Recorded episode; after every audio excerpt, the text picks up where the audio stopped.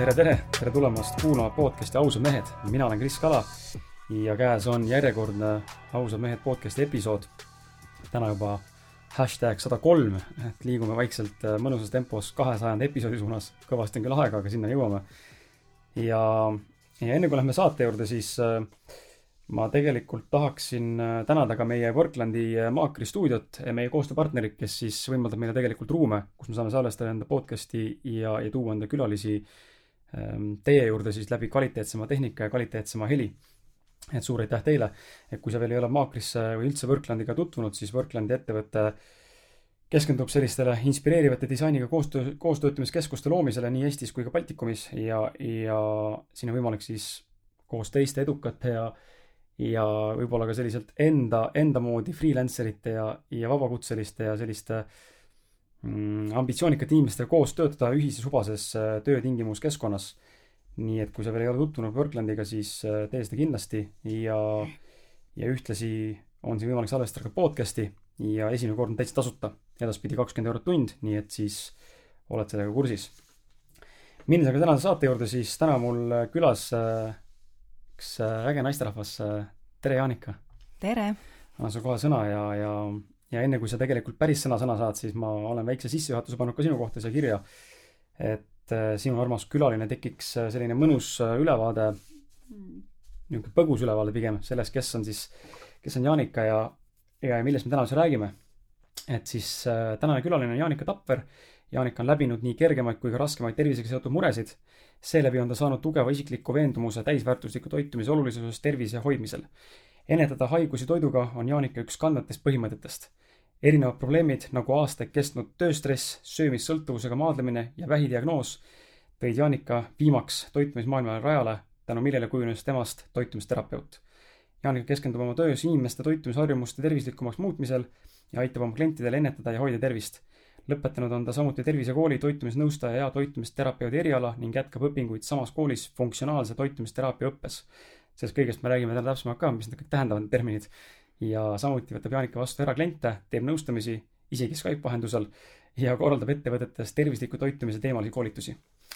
Äh, tere tulemast saatesse, Jaanika! tere tulemast, Kris! kas see sissejuhatus oli, oli okei okay sinu jaoks? väga okei okay.. võttis kõik ilusti kokku. aga rohkem rääkima ei pea? ei pea, jah väga tore aga lähme, lähme selles mõttes kohe, kuna meil on päris mahukas tegelikult tänane saate sisu. ma loodan, et äh, see, see tuleb ka nii, nagu ma olen ette kujutanud, et sellest tuleb selline saade, mis äh, peaks olema või siis võiks olla vähemalt iga inimene, kes enda tervisest hoolib ja lugu peab ja huvi tunneb, selline abc abits.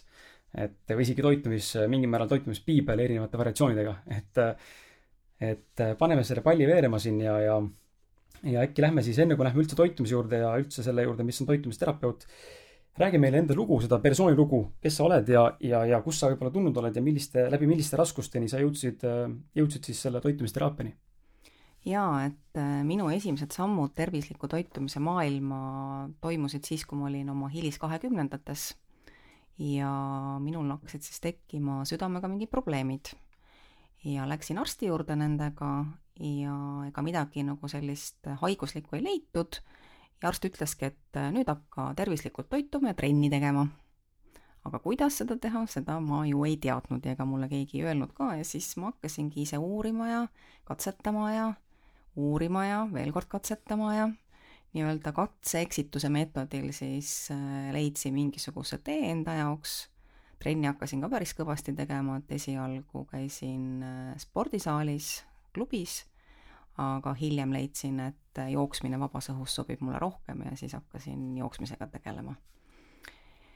ja nii ma siis kulgesin, et äh, olid ka mingid probleemid ikkagi, tulid aeg-ajalt tagasi, aga ühel hetkel siis äh, jah, tänu stressile, tänu liigsele spordile, ma jooksin läbi kaksteist pikka maratoni, ma kurnasin oma keha üsna korralikult ära ja see lõppes siis sellega, et jah, tõepoolest, nagu sa juba mainisid, et äh, sain hiljuti vähidiagnoosi.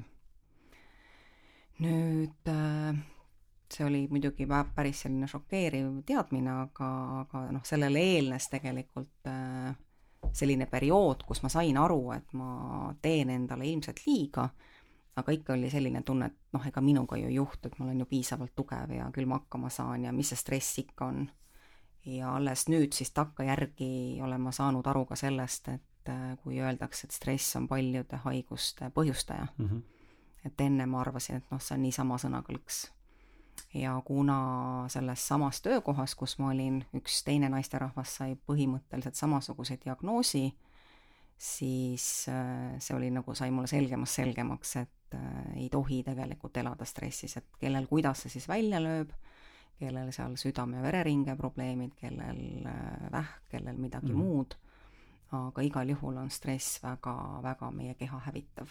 kas see on niisugune äh, vahepealne küsimus, et sama, samas töökohas kolleeg sai nagu nii-öelda sarnase, kas ehk kas see töö, mis sa tegid, on siis nii, nii stressirohke ameti mõttes, et me nüüd siis mainime mingit ametit, mida inimene teha ei tohiks? ei, ma või... seda, seda nüüd tegema ei hakka siin aga või, lihtsalt see töökeskkond pigem. okei okay., aga milline on see ebasoosiv töökost, töökeskkond ja võib-olla inimestele anda aimu, et kui ma täna jälle mulle väga meeldis, sa tegelikult ütlesid seda, et me ise arvame, et kõik on hästi, kui me ei ole ennast nagu testinud, eks ole, ja üldse nagu kuskil läinud, aga tegelikult sisimas võib olla mingid probleemid, mida me endale ei teadvusta. et kuidas nagu ära tajuda, et võib-olla ma täna olen stressirohkes töökeskkonnas või üldse stressirohke elu juures? no tegelikult selle ikkagi nagu tunneb ära, et äh, noh, küsi enda käest, et millal sa viimati millestki rõõmu tundsid, kuidas, äh, kuidas sul oma sõpradega on, oled sa -hmm. nendega kokku saanud, kas te naerate, kui te kokku saate, kas sul, kas sa tahad minna koju ja suhelda oma naise ja laste või mehega, et kõik sellised kontrollküsimused mm -hmm. ja kui sa saad aru, et tegelikult sa ei jaksa mitte midagi, sa tahaks lihtsalt rahulikult olla, omaette olla, hommikul tõusta on raske, noh, need on juba esimesed märgid sellest, et hakkab hapuks minema. okei okay., okei okay., ja, ja kuidas võib-olla nagu põgusalt, enne kui lähme edasi, siis oota, ma ei tea, ma ei ole sellist diagnoosi saanud, nagu sina said. kuidas sellise uudise võib-olla, ütleme, toimetulek, mis see teeb sinu selle mõttemustri või nagu selle nii-öelda selle mindset'iga?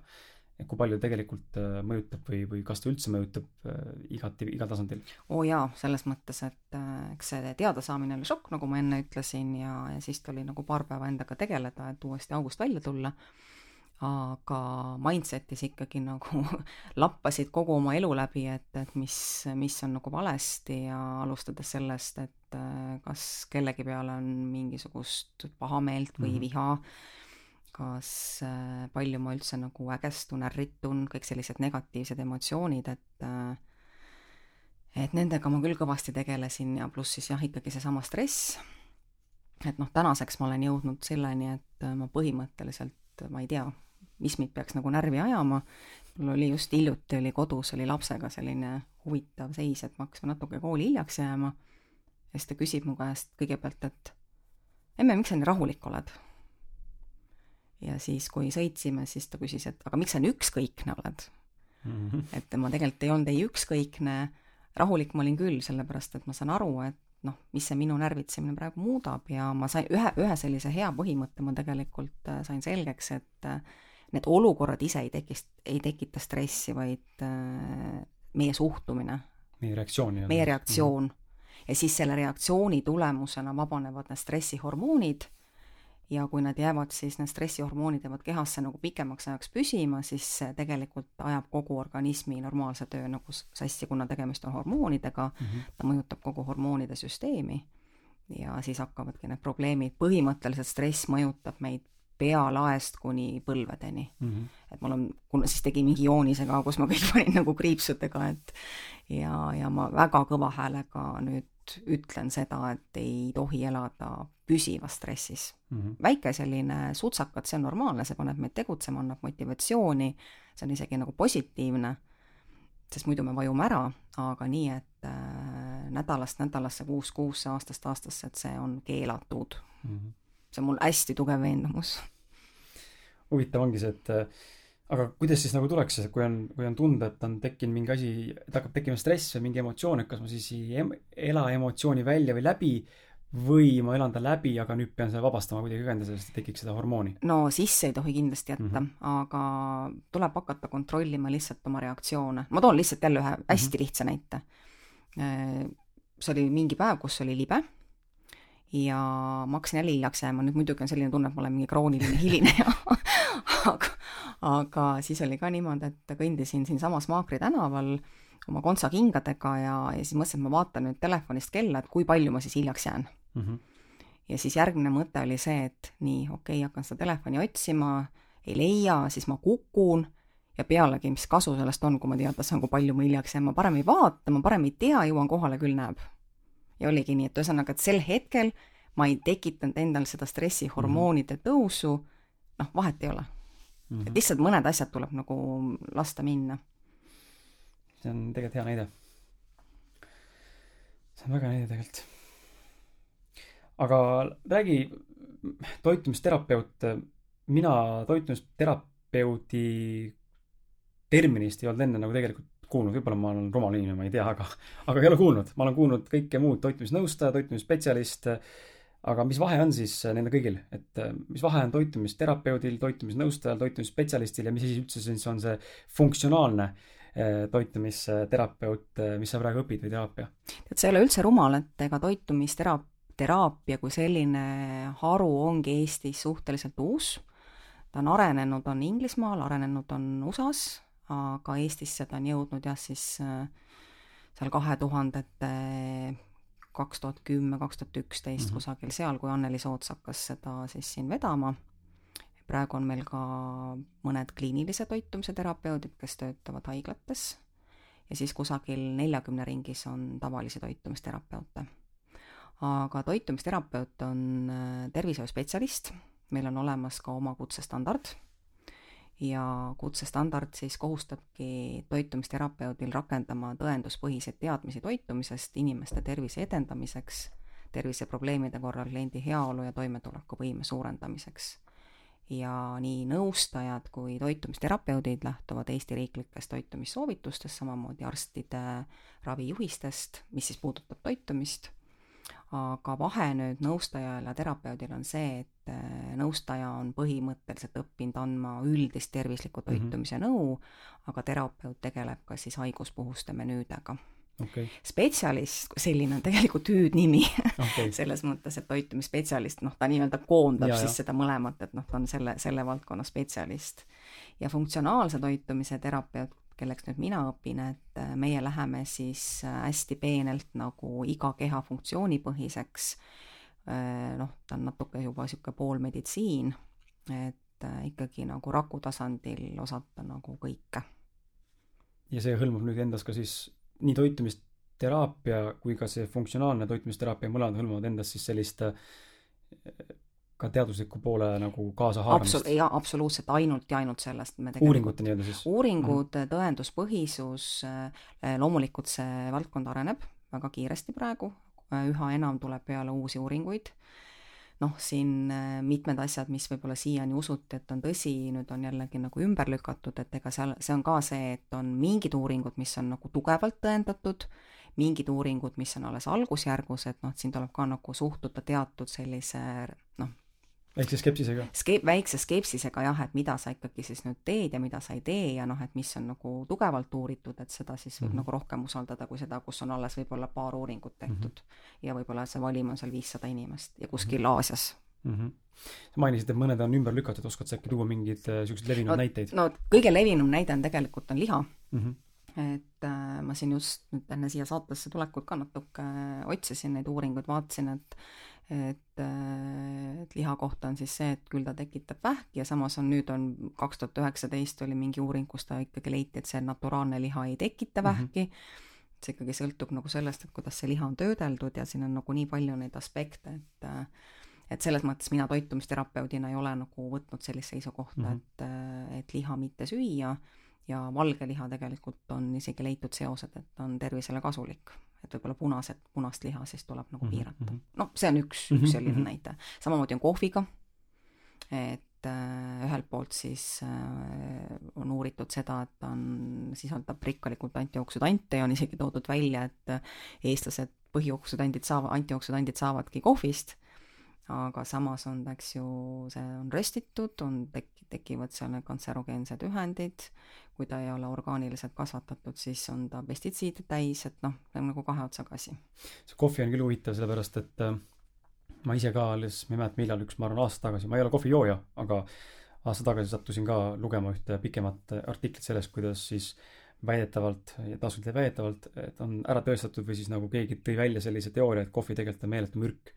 Et nagu just tänu sellele, mis tegelikult need kemikaalid selles kohvioas algsel kujul on, kui veel toores on võib-olla ja korjatakse valel ajal ja mis muu iganes see protsess kõik kaasa haarab sinna, ma ei ole kohvi tegija ega kohvi istanduse omanik, aga aga just see panigi mõtlema, et, et tegelikult võib-olla see kohvi ei ole päris nii mustvalgelt, nagu nüüd noh, et ta on kofeiin, ta on antioksüdant täis, ta on tore, kasulik, nagu me oleme harjunud seda tegema või jooma, et tegelikult see võib olla see ohumärk ka, et võib-olla, et ikkagi on ka keemiline no jaa, siin ongi, et on, on kaks aspekti ja siis sa pead nagu suutma siis ära otsustada, et mis see parem on.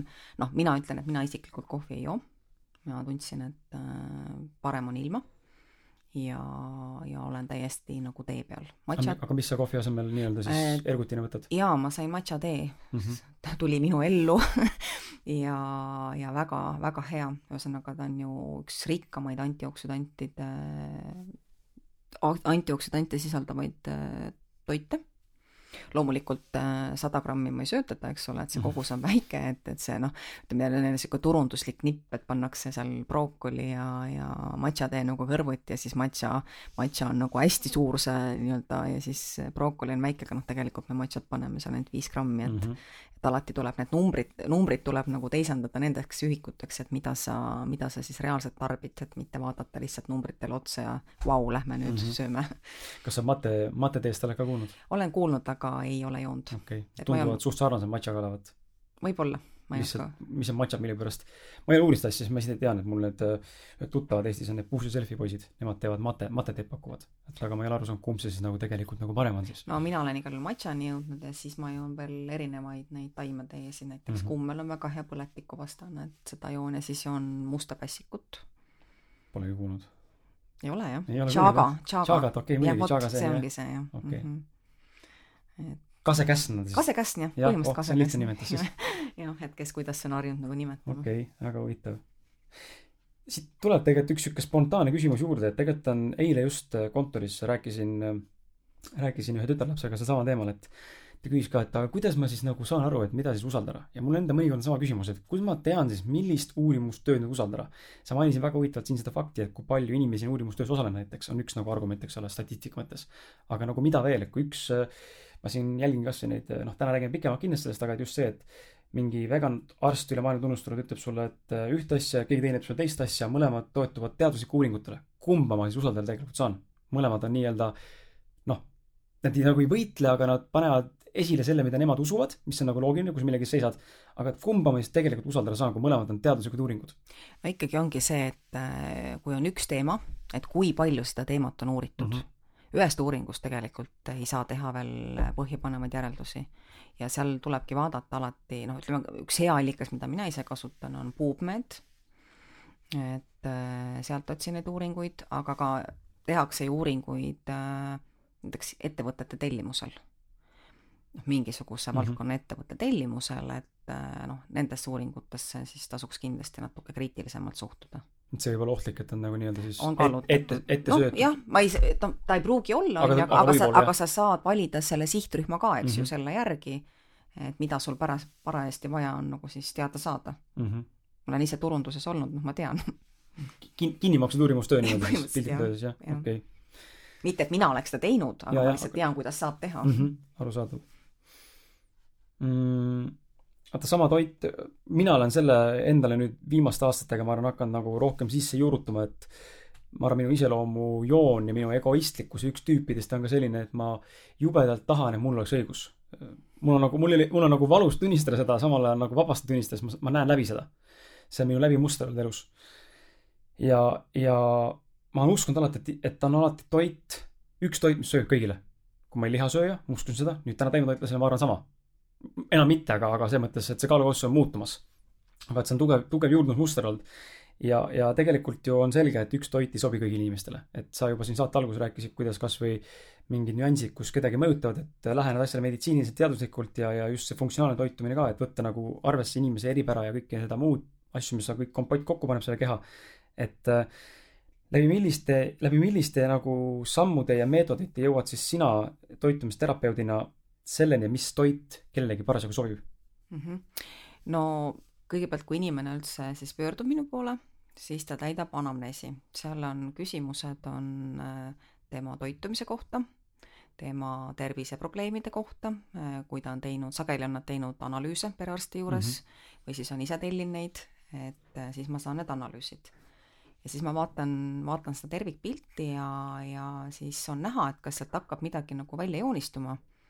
Et kui inimesel näiteks läheb kõht lahti ja ta tarbib piimatooteid, noh siis esimene mõte on kohe see, et võib olla laktoositalumatus. või kui on see, et äh, näiteks sööb nisujahutooteid, järgmine hommik on kõhus valu, läheb paiste mm, -hmm. noh, ütleme gluteenitalumatus võib tegelikult kuidas iganes väljenduda, või on kogu aeg on, tuleb näiteks, ütleb, et kogu aeg on udus, ühesõnaga kus selget päeva ei ole mm, -hmm. et et, äh, et siis ongi see, et tuleb vaadata, et äh, mis tal seal menüüs on ja mis on need nii-öelda võimalikud äh, sagedasemad allergeenid või talumatust põhjustavad toidud. ja siis me hakkame välistusmeetodil vaatama, et jätame välja kõigepealt ühe grupi, mhm. vaatame mm, -hmm. kuidas mõjub kauaks see väljajätmine peaks kaks nagu... nädalat okay., kaks nädalat võiks olla ja siis paneme tagasi ja siis on selge, jah, et mhm. siis selles mõttes on selge, et siis ei ole ka juhus, et võtad ära, kaks mm, -hmm. kaks nii-öelda kontrollpunkti paned tagasi. siis võtad järgmise grupi. ja, ja sageli ikkagi noh, ütleme näiteks peavalud samamoodi gluteenist, et äh, ja siis on mingid põletikud kehas mm. -hmm. näiteks on sagedased äh, mis iganes põiepõletikud naistel, punnid tulevad näkku, siis on kohe suhkur äh,, piim, gluteen ja saavad, saavad nagu üsna kiiresti lahti nendest. siis eh, jah, saab teha neid toidutalumutuse teste, noh, need muidugi maksavad, et alati on lihtsam selles mõttes, et mis on nii-öelda sellised populaarsemad grupid siis välja jätta mm. -hmm. kui need ei aita, siis võib olla vajadus ikkagi teha ka test. noh, mõni talub porgandit näiteks. ongi nii või? jaa. väga huvitav. et seal, kui sa võtad selle, seal on on testid, kus on siis seal kuuskümmend, seitsekümmend, kaheksakümmend nii-öelda erinevat mm -hmm. toiduainet ja nende peale siis nagu te testitakse ja on veel need risttalumatused, et Ko koositalu nii-öelda siis? okei okay. ja, ja siis ongi see, et äh, noh, sealt tuleb juba mingisugune tõde välja, kui on see, et otseselt nagu talumatus ei ole, et, et lihtsalt noh, ta mõjutab, ütleme mm -hmm. või, või siis inimene sööb liiga palju valku näiteks mm. -hmm ja siis on see, et, et tekib väsimus, aga ja, ja kõhuvalud või seedehäired, aga see tulenebki sellest, et äh, organism ei jõua seda valku ära seedida. ja seedimata valgus siis äh, algavad äh, erinevad tervisehädad mm. -hmm. et see on üldse, et, et mida ma olen nagu näinud, et kui inimesed tulevad oma menüüdega, siis neil süsivesikuid on, pigem on vähem, noh, kui ei ole just, ütleme, kaaluprobleemiga ei tule, ja palju on valku mm. -hmm. ja rasvad on loomsed et, et siis ongi vaja see ette võtta ja ja ei ole alati vaja hakata nullist menüüd tegema, et, et saab võtta inimese menüü ette ja vaadata, mis seal, mis seal korrigeerida mm, -hmm. mida juurde panna, mida ära võtta, et oleks tasakaalus, et, et see põhivõtmesõna või võlusõna ongi see, et menüü oleks tasakaalus mm. -hmm. nii makrotoitainete ehk siis valgud, rasvad, süsivesikud kui vitamiinide, mineraalainete poolest kas sinu juures, sinu teenusena või, või, või noh, kuidas see nimetus on, sinu juures abi, abi saades, nõustamisel käies äh, kas on võimalik aru saada ka, mis, ähm, mis toitu ma kindlasti pean tarbima? jaa, ikka, muidugi mm. -hmm. selles mõttes, et äh, eks me tervisliku... aga mis see nagu tähendab inimese jaoks, et oletame, ma lähen teen testi ja mul selgub, et ma pea, ma peaksin tegelikult sööma kanaliha näiteks, oletame. Äh, test, jaa, jaa, test äh, välistab, test ei ütle, mida sa pead sööma okay aga seal on niimoodi, et kui sa midagi jätad välja, siis on vaja öelda inimesele, mida ta peab selle asemel sööma mm. -hmm. näiteks, kui inimene peab jätma välja piimatooted, siis äh, tekib valgupuudus, tekib mm -hmm. kaltsiumipuudus. nüüd on vaja vaadata, kust inimene saab kaltsiumit, taimsetest allikatest siis. ja näiteks väga, väga ideaalsed kaltsiumiallikad on erinevad maitseürdid.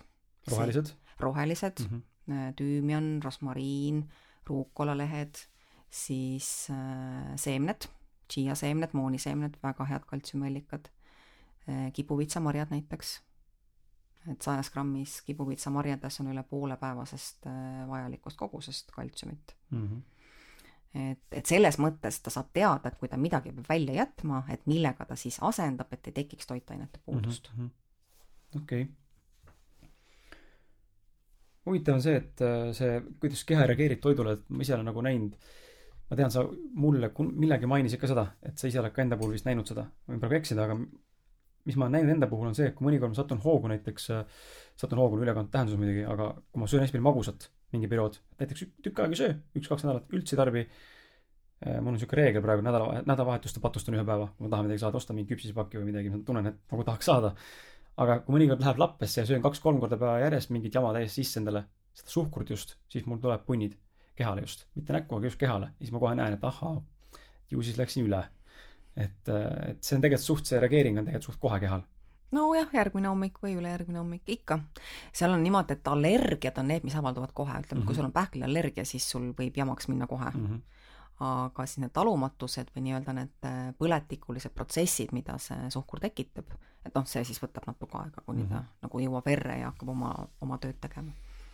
tänase saate üks suur äh, fookustest on tegelikult äh, mehed ja, ja meeste tervis ja, ja mul on hea meel tegelikult, et sa selle fookuse ette andsid nii-öelda teemana, sellepärast et ma ise ka näen seda eh, mingil määral ka enda pealt eh, minevikust vaadates ja, ja ka tegelikult täna ümbruskonda vaadates ma näen, kuidas mehed üldse noh, tullakse siis eh, abi otsima, kui enam-vähem üks jalg on kirstus, et enne ei tulda, et noh, ikka see mehe mentaliteet, vaata, ma saan kõigest jagu ja ma olen tugev ja mind ei huvita ja see vähk või muu diagnoos mind ei tapa, et ma olen võimsam.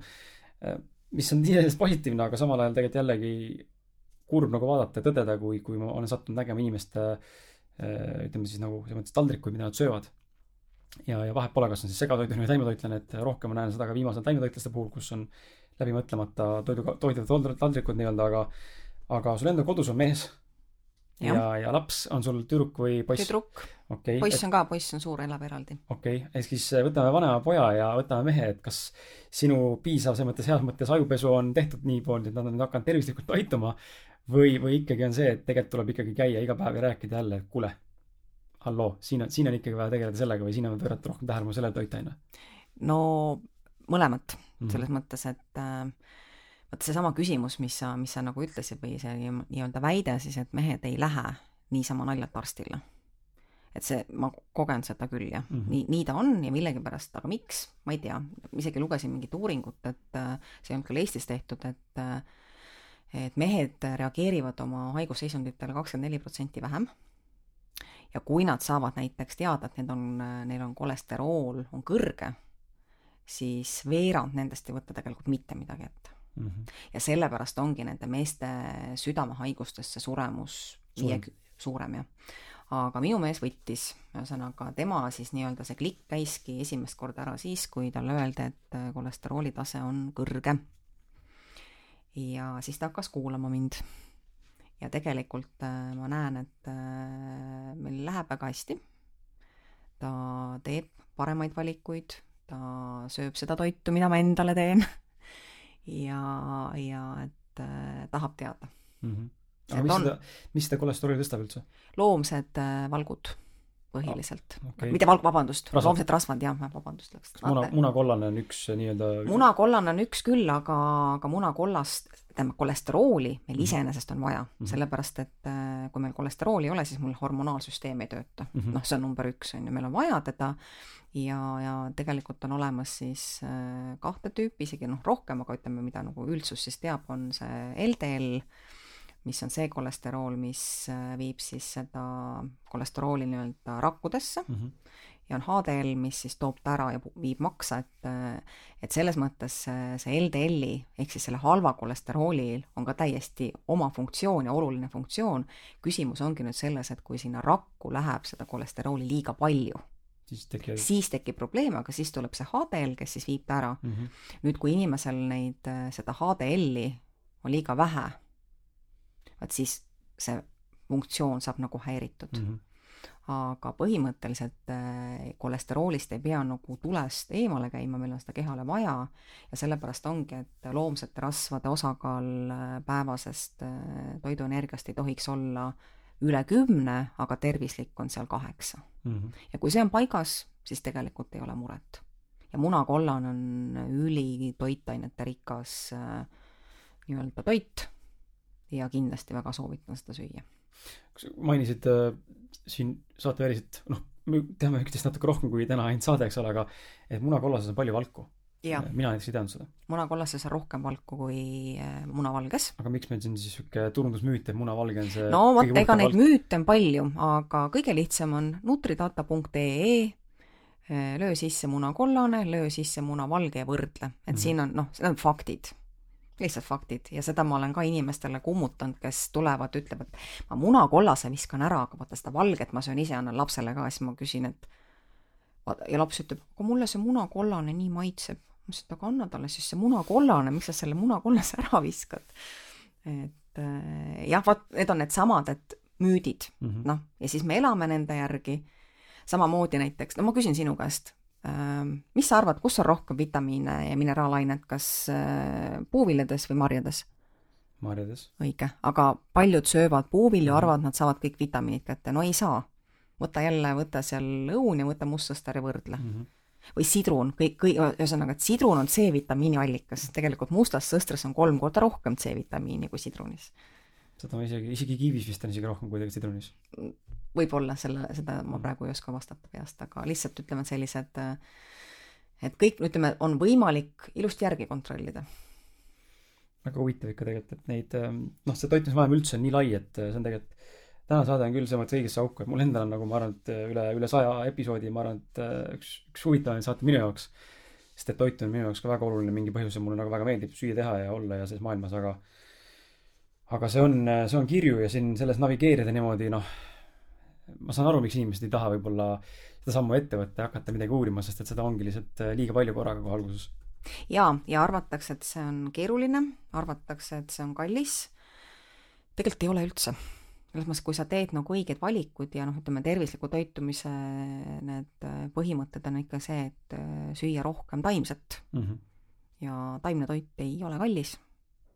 Kui sa. aga öeldakse, et on no tegelikult ju ei ole ja ja kui sa võtad seda, et lihaportsjon, noh, olenevalt siis liha rasvasusest on seal keskmiselt kuskil kuuskümmend grammi mm. -hmm. palju meie sööme? ikka niisugune nagu korralik pool taldrikutäit, kakssada grammi, sada viiskümmend grammi et äh, kui sa need asjad nagu muudad ümber, siis sa tegelikult näed lõpuks, et su eelarve väheneb. ma arvan, et see, see müüt, ma arvan, et see ei ole üldse seotud tegelikult ainult, ainult taimetoitlusega, vaid äh, mulle tundub tegelikult äh, jah, seda küll, selles mõttes mulle on ka öeldud seda, ma olen kuulnud seda, aga ma arvan ise, et tegelikult mis on probleem, mulle tundub, on, on see, et me inimestena ei soovi võib-olla ja ei ole seda viitsimist, tahtmist ise kokata. ja valmistoit on kallis nagu tooraine ise ei ole tegelikult kallis, aga just nimelt see valmis toit, pakendatud toit, vot see on see, mis hinna lükkab üles. nii, ja valmis toit, seal ei ole tegelikult, sa ei saa ei vitamiine, ei saa sealt eriti mineraalaineid, ta on soola täis, ta on töödeldud, ta on E-aineid täis, ehk siis ta annab sulle küll energiat ja võib-olla annab ka need äh, makrod, ehk mm -hmm. siis mhm. valgutrasvad, süsivesikud, aga see on ka kõik. mikrot sa ei saa? no ma ei, ma päris nii ei saa öelda, selles mõttes, et kui sõltub muidugi, mis see mm -hmm. materjal on ja, ja aga noh, ta on ikkagi nagu, ta seisab mm, -hmm. teatud vitamiinid ju samamoodi hävinevad seistes. et eks siin tuleb võtta nagu üks toit korraga, aga, aga suur pilt on jah see, et äh, toiteväärtus on kehvem ja samas ta võib mingites osades nagu tervist kahjustada.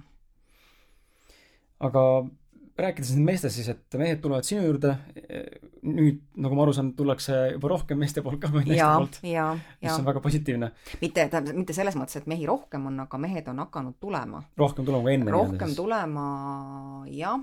noh, eks nad on ikkagi käinud, ütleme meestel, mehed siiamaani on käinud kehakaaluprobleemidega mm. -hmm. ja vanemas eas on siis käinud äh, mao- ja kaksiksõrme, kaks, kaksteist sõrmiksoole probleemidega ja diabeet ja siis on südame-veresoonkonna probleemid.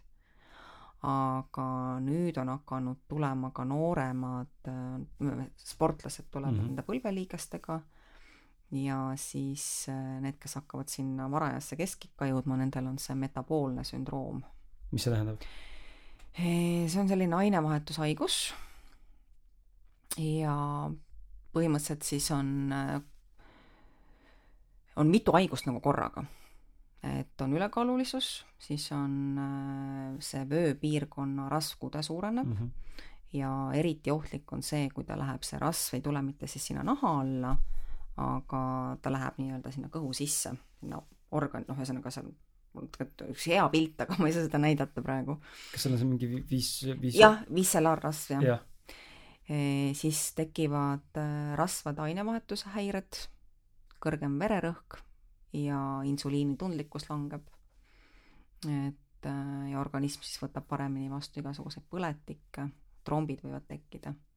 et suhteliselt ütleme, et kui sellega elada, siis või kui noh, selline sündroom on mm, -hmm. noh siis on tegelikult toitumine on ülioluline korda saada ja seda diagnoositakse, siis on äh, erinevad tunnused ja kui kolm nendest äh, viiest tunnusest on nagu olemas, et siis pannakse see diagnoos. et see ongi siis vöö ümbermõõt, meestel on ta, kui ta on üle nelja, üheksakümne nelja, siis on triiglütseriidid üle ühe koma seitsme, HDL, seesama hea kolesterool, kui see on nüüd alla ühe, äh, vererõhk üle saja kolmekümne ja veresuhkur üle viie koma viie et äh, kui nendest nüüd kolm tükki, kolm näitajat, et siis arstid võivad diagnoosida. toitumisterapeut ei diagnoosi mm, -hmm. et, äh, et selle sündroomiga ikkagi tullakse siis juba arsti poolt diagnoosituna. ja see on metaboolne sündroom, on äh, ühesõnaga tõstab kõvasti ootamatute südamesurmade riski. okei okay.. mul niisugune huvitav küsimus eile elukaaslasel tekkis, et ma seda enda peal näinud ja ma olen näinud seda varem teiste inimeste pealt ja enda elu, elukaaslasel endal on see probleem täna, aastaid juba, just see sama äh, ütleme siis, ma ei teagi, ilmselt on see mingil määral siis see, et sul on see rasvapunu või nii-öelda nagu rasvarasedus siin kõhu ees. ehk siis midagi koguneb siia makku nii-öelda siia navapiirkonda ja tekib sihuke päästerõngas, et, et äh, küsimus on pigem selline, mis me nägime. või noh, tõi hea näite, et tal on üks äh, sõber lapsepõlvest, kes kunagi oli diabeedik ja pidi aeg süstima ja siis see no, kutt oli öelnud väidetavalt siis, et äh, see väike punju on äh, nii-öelda see süsti, süsti tulemus. noh, ma ei tea, kas see tõele vastab, aga siis meil tekkis nagu mõte, et huvitav, et kui me ei süsti, aga peenikese inimesena tekib ikkagi ette see väike punju, et kas mul on siis mingi diabeedi vorm või? see võib olla prediabeet selles mõttes mm, -hmm. et äh, siis tulekski veresuhkrut mõõta, et mis just ütleme tühja kõhuga. et ja prediabeet võib areneda diabeediks aga ma nüüd, mina jällegi mm -hmm. diagnoosi panna ei saa, aga see sageli ikkagi see kõhu rasvumine on nagu elustiili ja kõige sellega seotud. Ja toitumise puhul on siis äh, kõrge glükeemiline koormus, see tähendab seda, et kiiresti imenduvad süsivesikud äh, on menüüs, siis seda võib juhtuda, kui nüüd veresuhkur saada nagu tasakaalu siis äh, süsivesikud ei, ei lähe rasvaks.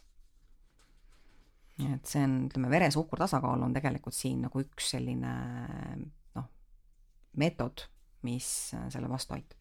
mis need kiiresti imenduvad süsivesikud näiteks on siis mõned? suhkur, rafineeritud äh, jahutooted, noh, põhiliselt need mm -hmm, ongi mm -hmm. noh, samamoodi tärkliselised mm, -hmm. et äh, okei okay. Sa rääkisid meeste probleemidest, millega mehed tulevad, millega naised tavaliselt tulevad? naised Üldlevinud. tulevad stressi, väsimuse, kehakaaluga, need on top kolm, ma tegin millalgi statistikat kaks kolmest tegelikult on justkui nagu mentaalsed või nagu vaimsed asjad. jaa, ongi see ja meestel on hoopis tegelikult füüsiline. jaa, jaa, et äh, see tulebki siis, noh, sageli ongi seal kas mingid toitainete mm -hmm. puudused, rauapuudus näiteks D-vitamiini puudus samamoodi põhjustab väsimust, äh, siis äh, unetunnid on napid, stress on tegelikult elustiil, ongi palju sa magad, kuidas sa suhtud, mida sa sööd ja, ja noh, nii ongi ja liikumine loomulikult mm. -hmm. et äh, see heaoluhormoonid saavad nii-öelda siis ajus hakata tööle sel juhul, kui, kui näiteks sa teed trenni, pärast trenni.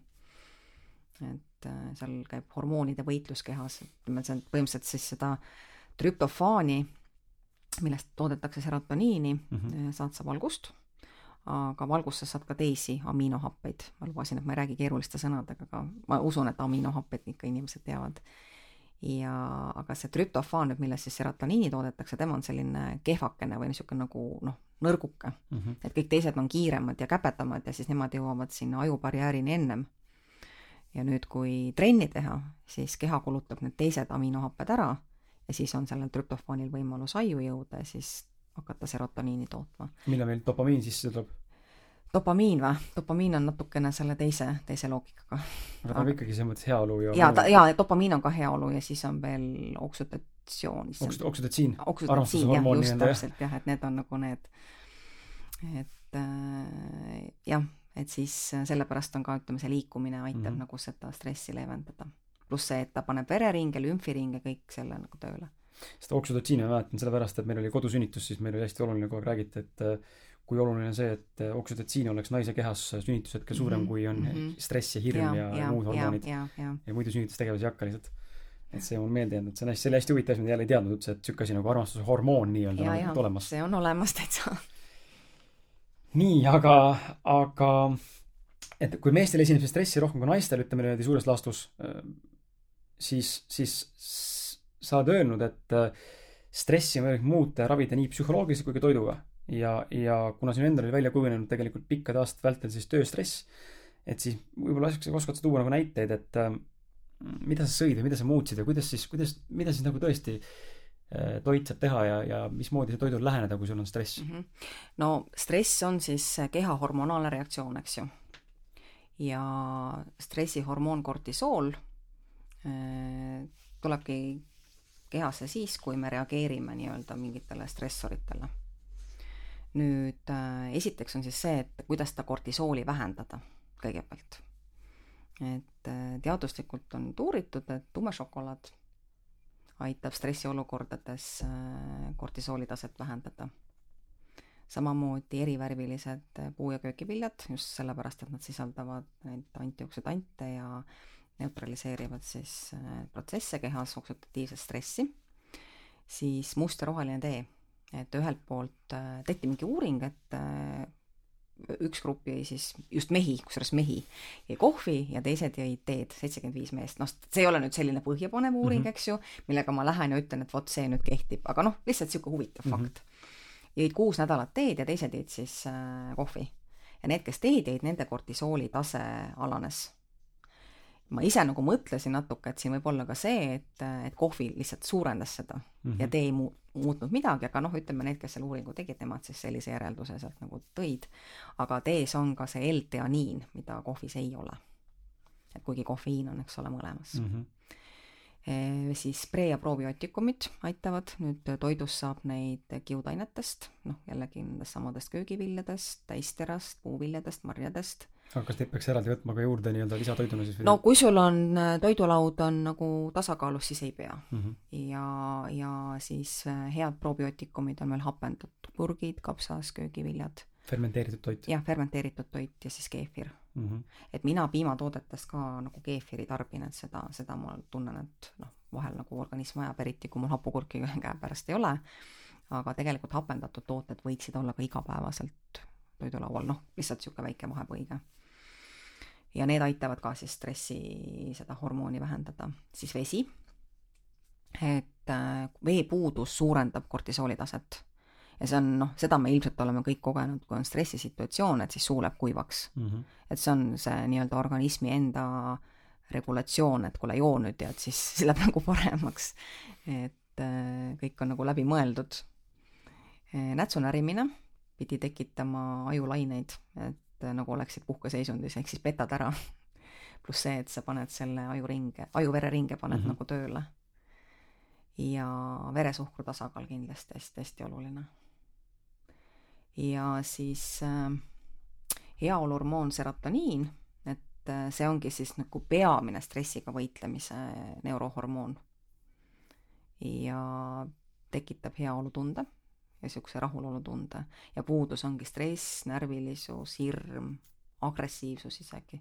et kui me oleme stressis, me muutume vihaseks mm. -hmm siis me ütleme teistele halvasti, siis me rikume suhted ära ja siis tuleb veel suurem stress ja see on nagu niisugune nõiaring, et ja mis nüüd veel takistab äh, heaoluhormoonide noh, tootmist, on põletikud kehas, see, kui soolestiku mikrofloora ei ole tasakaalus. et et äh, kui noh, me rääkisime nendest pro- ja prebiootikumidest, siis need on äh, sellised head, head vahendid mm -hmm. nagu oma soolestiku mikro-, mikrofloorat äh, parandada. heaoluhormoonid ei saa aga tekkida siis, kui kortisooli tase on kõrge.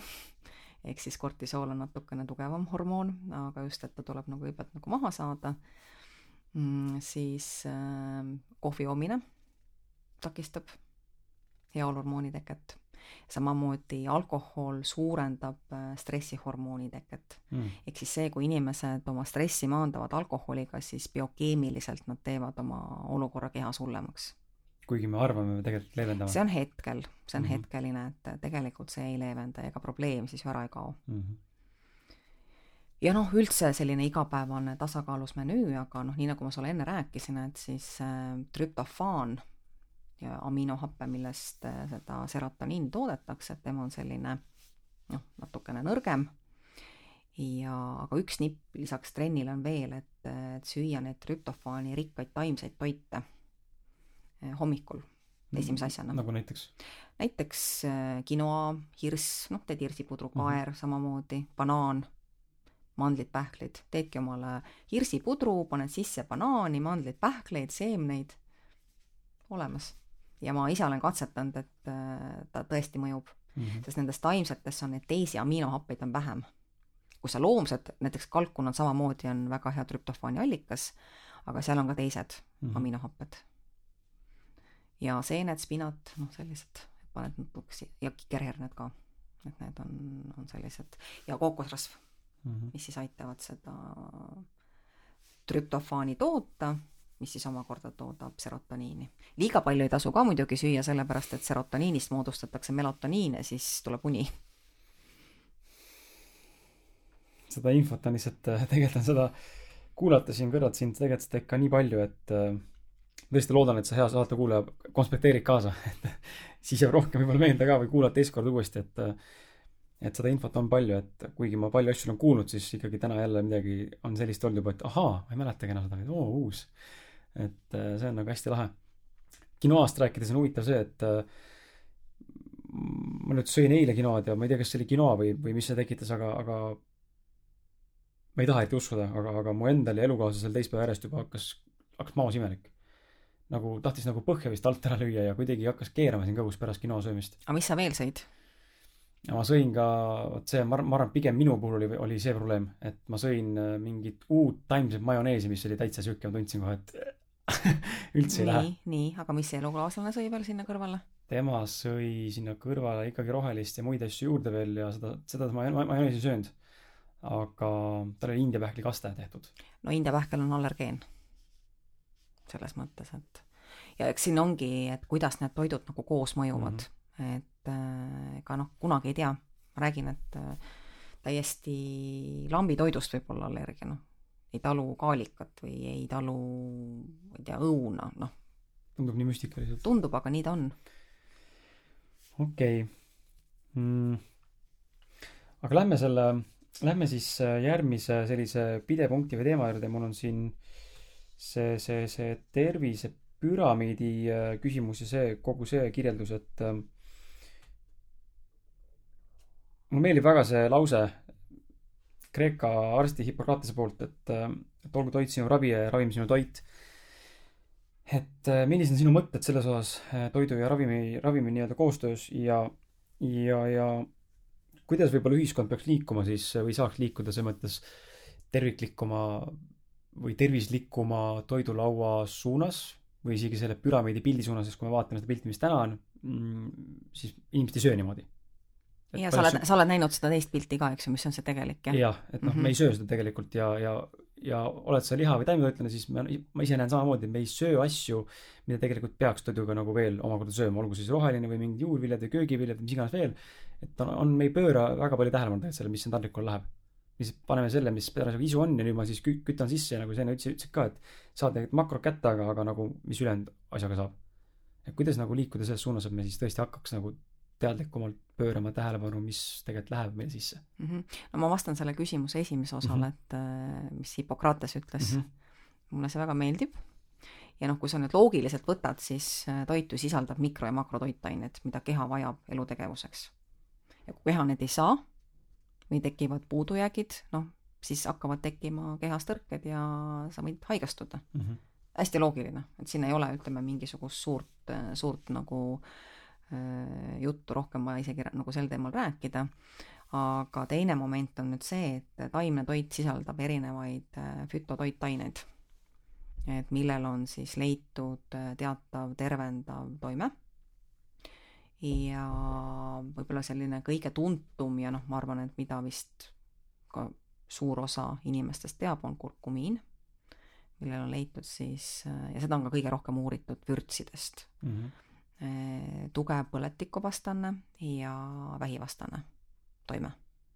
ja noh, mina ise olen kurkumiini, mul on veel selline double strength versioon et mina ka siis teda pipra ja õliga noh, päris igapäevaselt nüüd enam ei ole söönud, aga vahepeal sõin ikkagi nagu iga päev, isegi kaks korda päevas. pipa no,, pipa seepärast, et siis see aktiveerib kurkumiini? ta ime, jah, pip- mm, -hmm. piperiin, mis on siis pipras nagu äh, aktiveerib selle kurkumiini ja õli samamoodi, et, äh, et kui sa lihtsalt selle pulbri nagu alla neelad veega näiteks või ma ei tea, piimaga või, et siis ta, ta ei imendu sul mm. -hmm. ta tuleb, kuigi ta on äh, antijooksütant, ta on kasulik ikkagi aga selleks, et nüüd seda kurkumiini sealt kätte saada, et siis peab natuke vaeva nägema. jälle, mida, asi, mida palju, paljud, ma kujutan ette, et ei tea tegelikult, et seda pipart tegelikult tuleks sinna kõrvale panna mm. -hmm. Nagu... noh, ikkagi nüüd ütleme, eks see teadlikkus kasvab iga päevaga mm. -hmm. ja lugesin mõni aeg tagasi Faktiumi, Faktumi Ariko on teinud äh, siis küsinud eestlaste käest, kaks tuhat kuusteist oli see, et kas sa toitud tervislikult ja mis sa arvad, mis protsent vastas jaatavalt? ma arvan, et alla viie. et te toitud tervislikult või möödas kuuskümmend. okei okay. aga kuidas see reaalselt välja nägi? see reaalselt näeb välja, et, äh, et inimesed noh, mõtlevad selle peale mm -hmm. ja nad isegi nagu noh, püüavad selle poole. ja ka mina ju tegelikult oma selle, enne kui ma seda õppima läksin, samamoodi arvasin, et ma toitun tervislik ja ma arvasin, et ma toitun väga tervislikult aga siis, kui nii-öelda see teaduspõhisus nagu teisele poole lauda pandi, siis äh, noh, oli, oli neid asju, mida ma tegin väga õigesti, aga oli need, millega ma olin ikkagi nagu väga puusse pannud mm. -hmm. et äh, ja sellega teinud omale kahju. et isegi, kui sul on nagu seitsekümmend viis protsenti teed õigesti, aga kahekümne viiega paned täiesti mööda, siis noh, päeva lõpuks ei pruugi sellest heast osast ka enam kasu olla mm. -hmm aga, aga kuidas me lahendame seda probleemi? no teadlikkus, teadlikkus, teadlikkus ikkagi, et äh, noh, järjest enam tegelikult ka arstid on hakanud äh, toitumist tõsiselt võtma, arsti, perearsti kabinettides on toitumisnõustajad, äh, psühhiaatrid on ise hakanud seda õppima, teevad koostööd toitumisterapeutidega. et see soolestiku ajutelg on ju ka väga ära mhm. tõendatud et, et paljud psüühilised probleemid saavad alguse soolestikust ja eks ta nii, noh, niimoodi siis järjest nagu kasvabki. et see ei ole ainult see, et nüüd toitu, nelikümmend toitumisterapeuti meil küll tuleb iga aasta juurde, ei suuda nagu Eestit äh, ära katta sellega, et inimestele see teema nagu siis ära selgitada ja, ja panna nad proovima, aga eks siin tuleb koostööd teha ikkagi.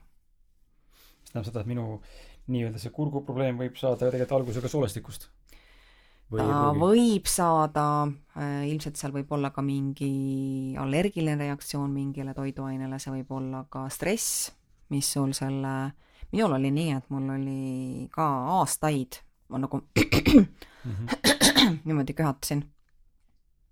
ja siis ma läksin sellest keskkonnast ära. ma mingi hetk mõtlesin, et aga ma ei ole ammu enam köhatanud mm. -hmm.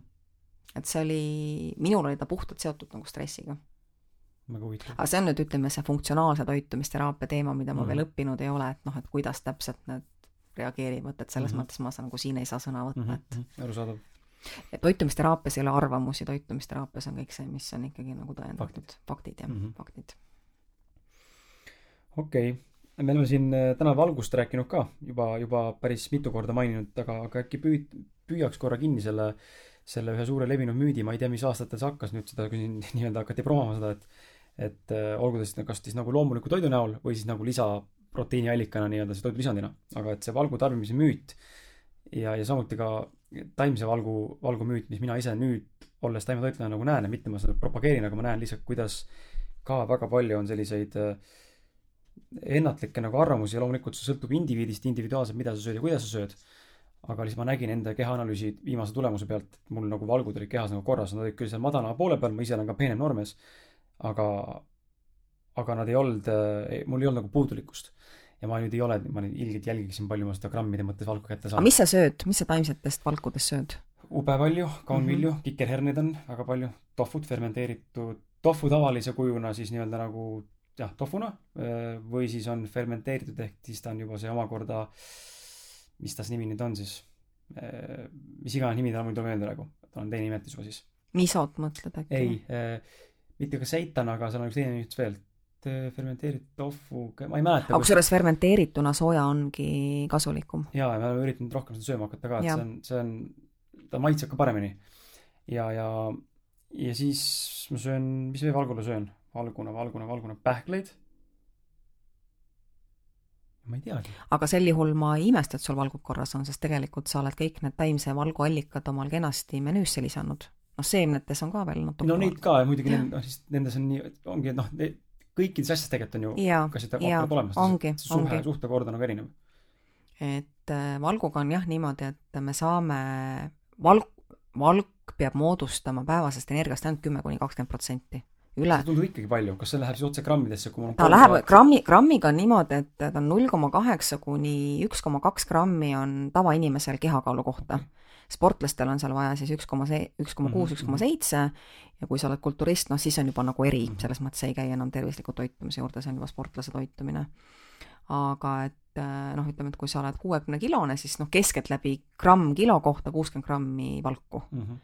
aga see on jah, selles mõttes, et kümme kuni kakskümmend protsenti ja selle me saame, kui me sööme liha, kui me sööme piimatoodet, kui me sööme muna, kui me sööme teravilja, kaunvilju, me saame selle väga kenasti täis. ütleme, tavamenüüd, noh, mida mina teen ja kui ma siis neid analüüsin, kusagil viisteist tuleb niisugune keskmine. ma aeg-ajalt isegi pean valgud alla tõmbama. et aga siia juurde noh, ei ole vajadust tarbida veel valgulisandeid. Tavainimesel tavatervisliku toitumise juures mm. Mhm. ja kombineerida tasub äh, loomset ja taimset valku mm. -hmm. näiteks ütleme, et äh, lõunaks sööd liha, õhtul võiksid teha siis mingi kaunvilja, kas kotleti või salati või midagi sellist. ja mis on veel seedimise seis- seisukohalt oluline, et tasub süüa ühte valku korraga, et siis on kergem mitte erinevat valku korraga siis, jah? jah, just, noh Mhm. näiteks ütleme, ma ei tea, kas sina oled kogenud, kui sa sööd kartulisalatit, et siis pärast kõht keerab Pole nüüd kartulisalatit äh, päris vorstiga nüüd väga pikalt söönud, mm? -hmm. seega mul puudub kogemus jah. kogemus, ei mäleta. aga noh, see on, ütleme, seal on siis äh, hapukoor, muna mm, mm -hmm. mingi lihaline, noh, kolm eri valku ja Mhm. võib-olla veel, veel midagi, eks mm. -hmm. et, et sellepärast kartulisalat on see, mis ka inimestel tekitab pärast seedehäireid. huvitav.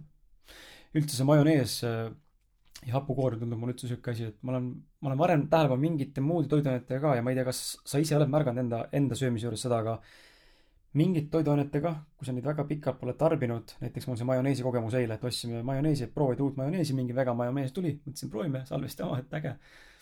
ja, ja ma tunnen kohe ära, et äh, nii nagu tol ajal, kui ma olin segatoiduline, sõin seda tavalist nii-öelda majoneesi siis, mis ei olnud väga taimne või seda nüüd siin, siis ikkagi see konsistents on sihuke hästi vastik rasvane, sihuke ebameeldiv rasv. Ja sa kohe tunned, sööd seda, tunned, et see on nagu no jube sihuke nagu limane, õline, kõik on täis seda lihtsalt. et äh, see on nagu huvitav, kuidas on, kui pikka aega toituda nagu tervislikumalt või tervislikult, siis kui tuleb kuskilt sisse mingi sihuke vähegi noh, rammusam või vähegi selline noh, mitte rõvedam, aga noh, konsistents, teine asi, kohe, kohe keha ja tahab ütelda sulle, kuule, et see ei ole normaalne. no tulebki keha kuulata, et see on väga Mhm. õige. aga miks on inimestel raske enda keha kuulata? nagu, sest et me ju kõik ju sööme, aga mõni kogistab siin järjest asju alla, ütleb, et tunnen väga hästi ennast.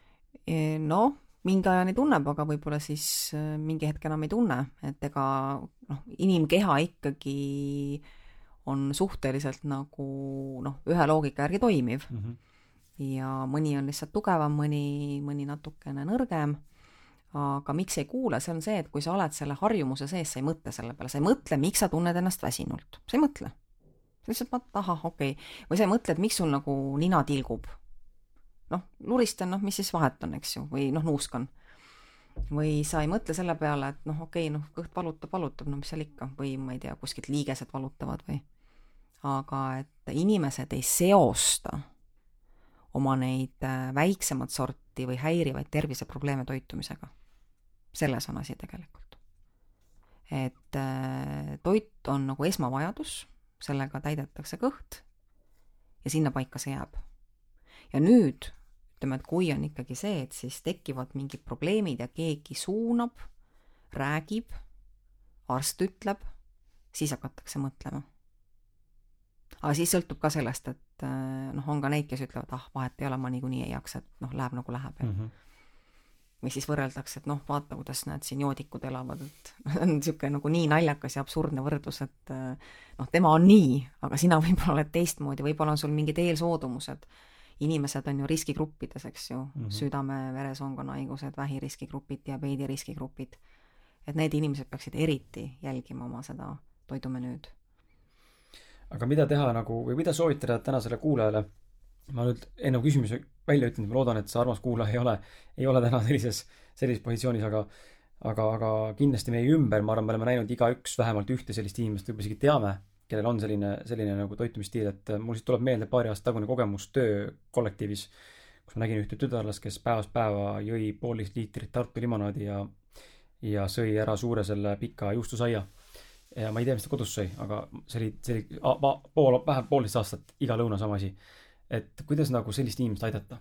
kui sa, ta, ma isegi olen näinud, ta küsis, küsis nagu minu käest min, minu söögi ajal näiteks või nägi, mida sõi, et mis ma söön ja tundis huvi, aga, aga tal ikkagi oli mingi vabandus, et oi, et see on kallis ja mina ei oska teha ja ah, ma saan ju kõhu täis sellest asjast, et kuidas ma siis ei saa, kõht on täis ju, et ongi jälle see, et sa ei, noh, sa saad saia ja suhkru, eks ole, kõht on täis, aga muud sa ei saa ja sa ei mõtle seda, et smuuti saa tegelikult, aga ja ta oli käinud ka sellel neerukivide või mis iganes maakivide lõikuse mitu korda juba mm -hmm. ja mhm. ikka tegi sama asja. kuidas no, inimest aidata? jaa, järgmine ilmselt on diabeet teise, teise tüübi diabeet, sellepärast et magusad joogid on ju, need imenduvad kohe mm. -hmm. seal ei ole mitte midagi ütleme, kui sa sööd veel saia, eks ole, siis läheb ikka natukene aega, et et enne kui see süsivesik nagu verre läheb, aga, aga limonaad, see lükkab kohe selle veresuhkru kõrgeks ja niikaua, kui sa jood, on ta kõrge ja siis hakkab sealt noh, ütleme, keha ei jõua insuliini lihtsalt nii palju toota. mingi hetk pankras väsib ära. ja see ongi. et need, kes noh, ma olen ka kohanud inimesi, kes joovad Coca-Colat päevast päeva ja noh, ma võin öelda neile aga enne, kui neil midagi kuskilt ei ära ei kuku. ära ei kuku mingit probleemi ei ole, ega nad ei kuula ja sa ei saagi sinna midagi teha. et nemad vaatavad sind kui friiki mm. -hmm. et mis noh, täpselt nii, nagu sa seletasid, et mis seal vahet on. Lihtsalt tuleb loota, et äh, ta reageerib enne, kui on lõplikult hilja mm. -hmm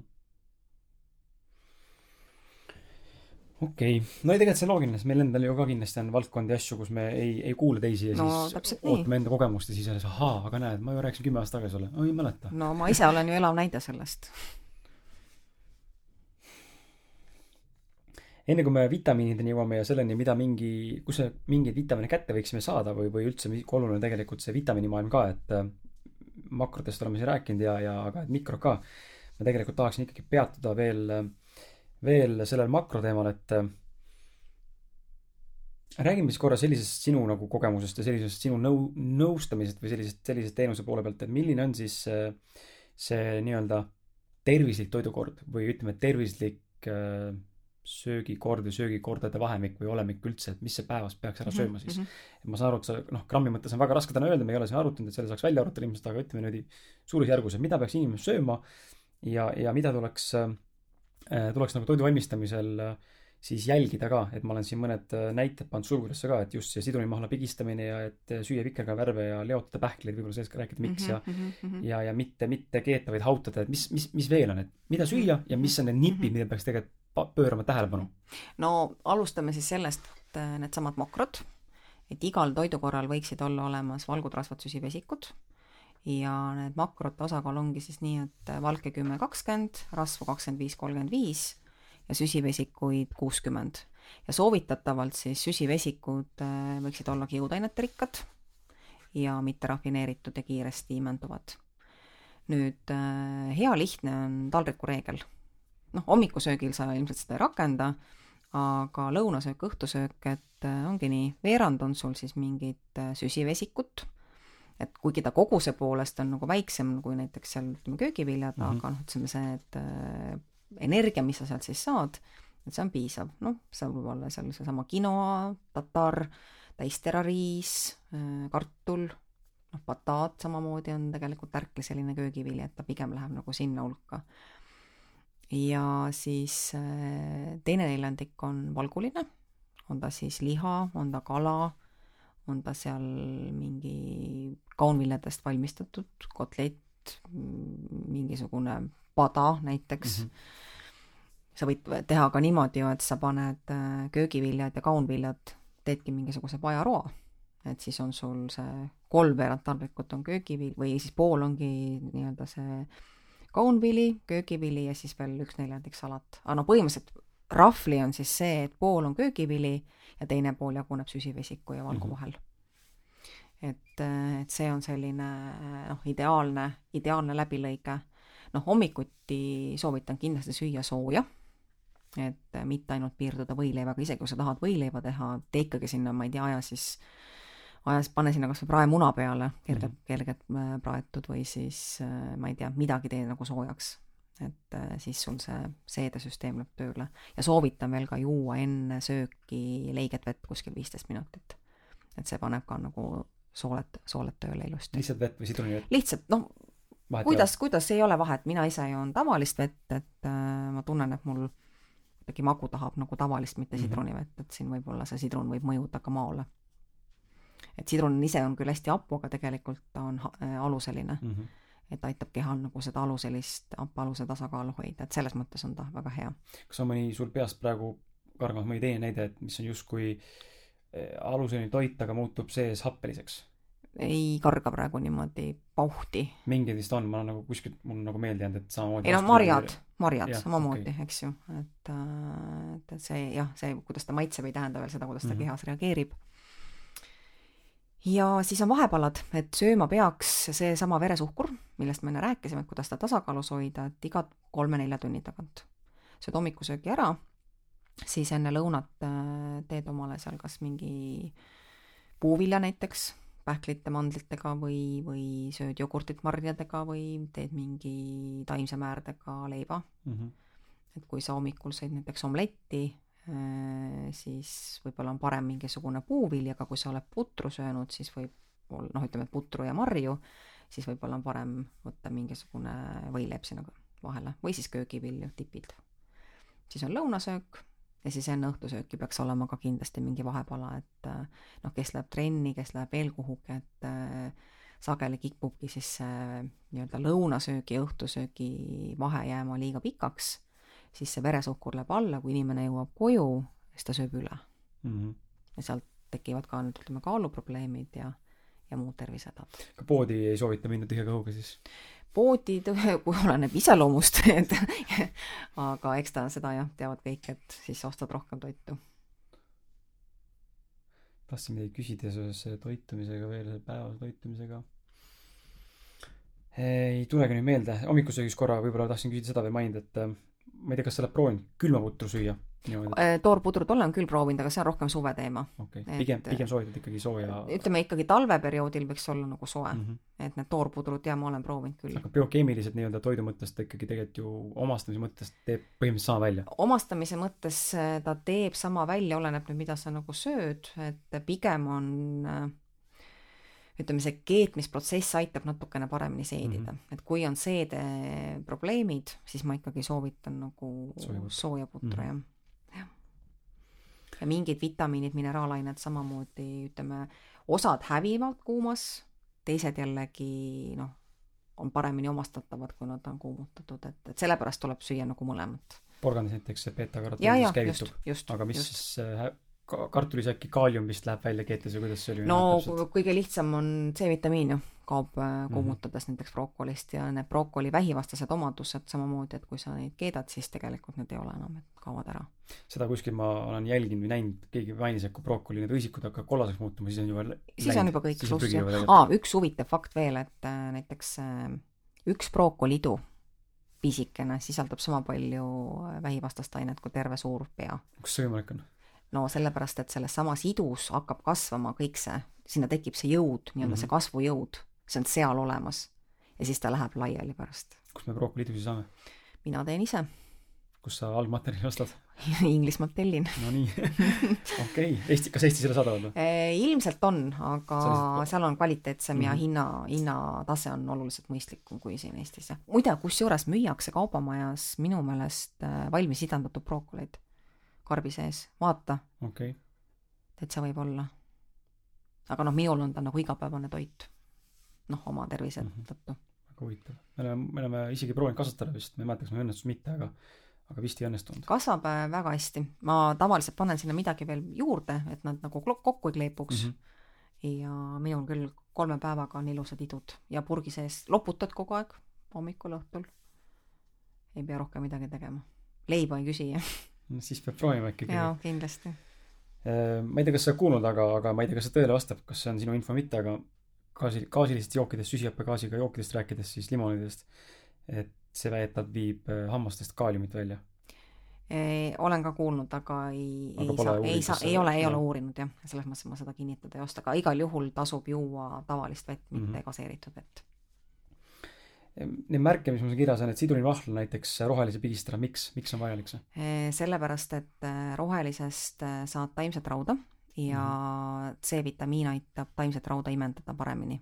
mis tähendabki siis seda, et eh, sidrunimahl aitab imendada, sa võid ka musta sõsret panna, aga noh, ütleme sa salati sisse tavaliselt ei pane, et, et sidrun siis aitab, aitab hädast välja, pluss see, et noh, minul on sidrun on alati olemas kodus, ta Mhm. mm. muudab maitseid täidlasemaks.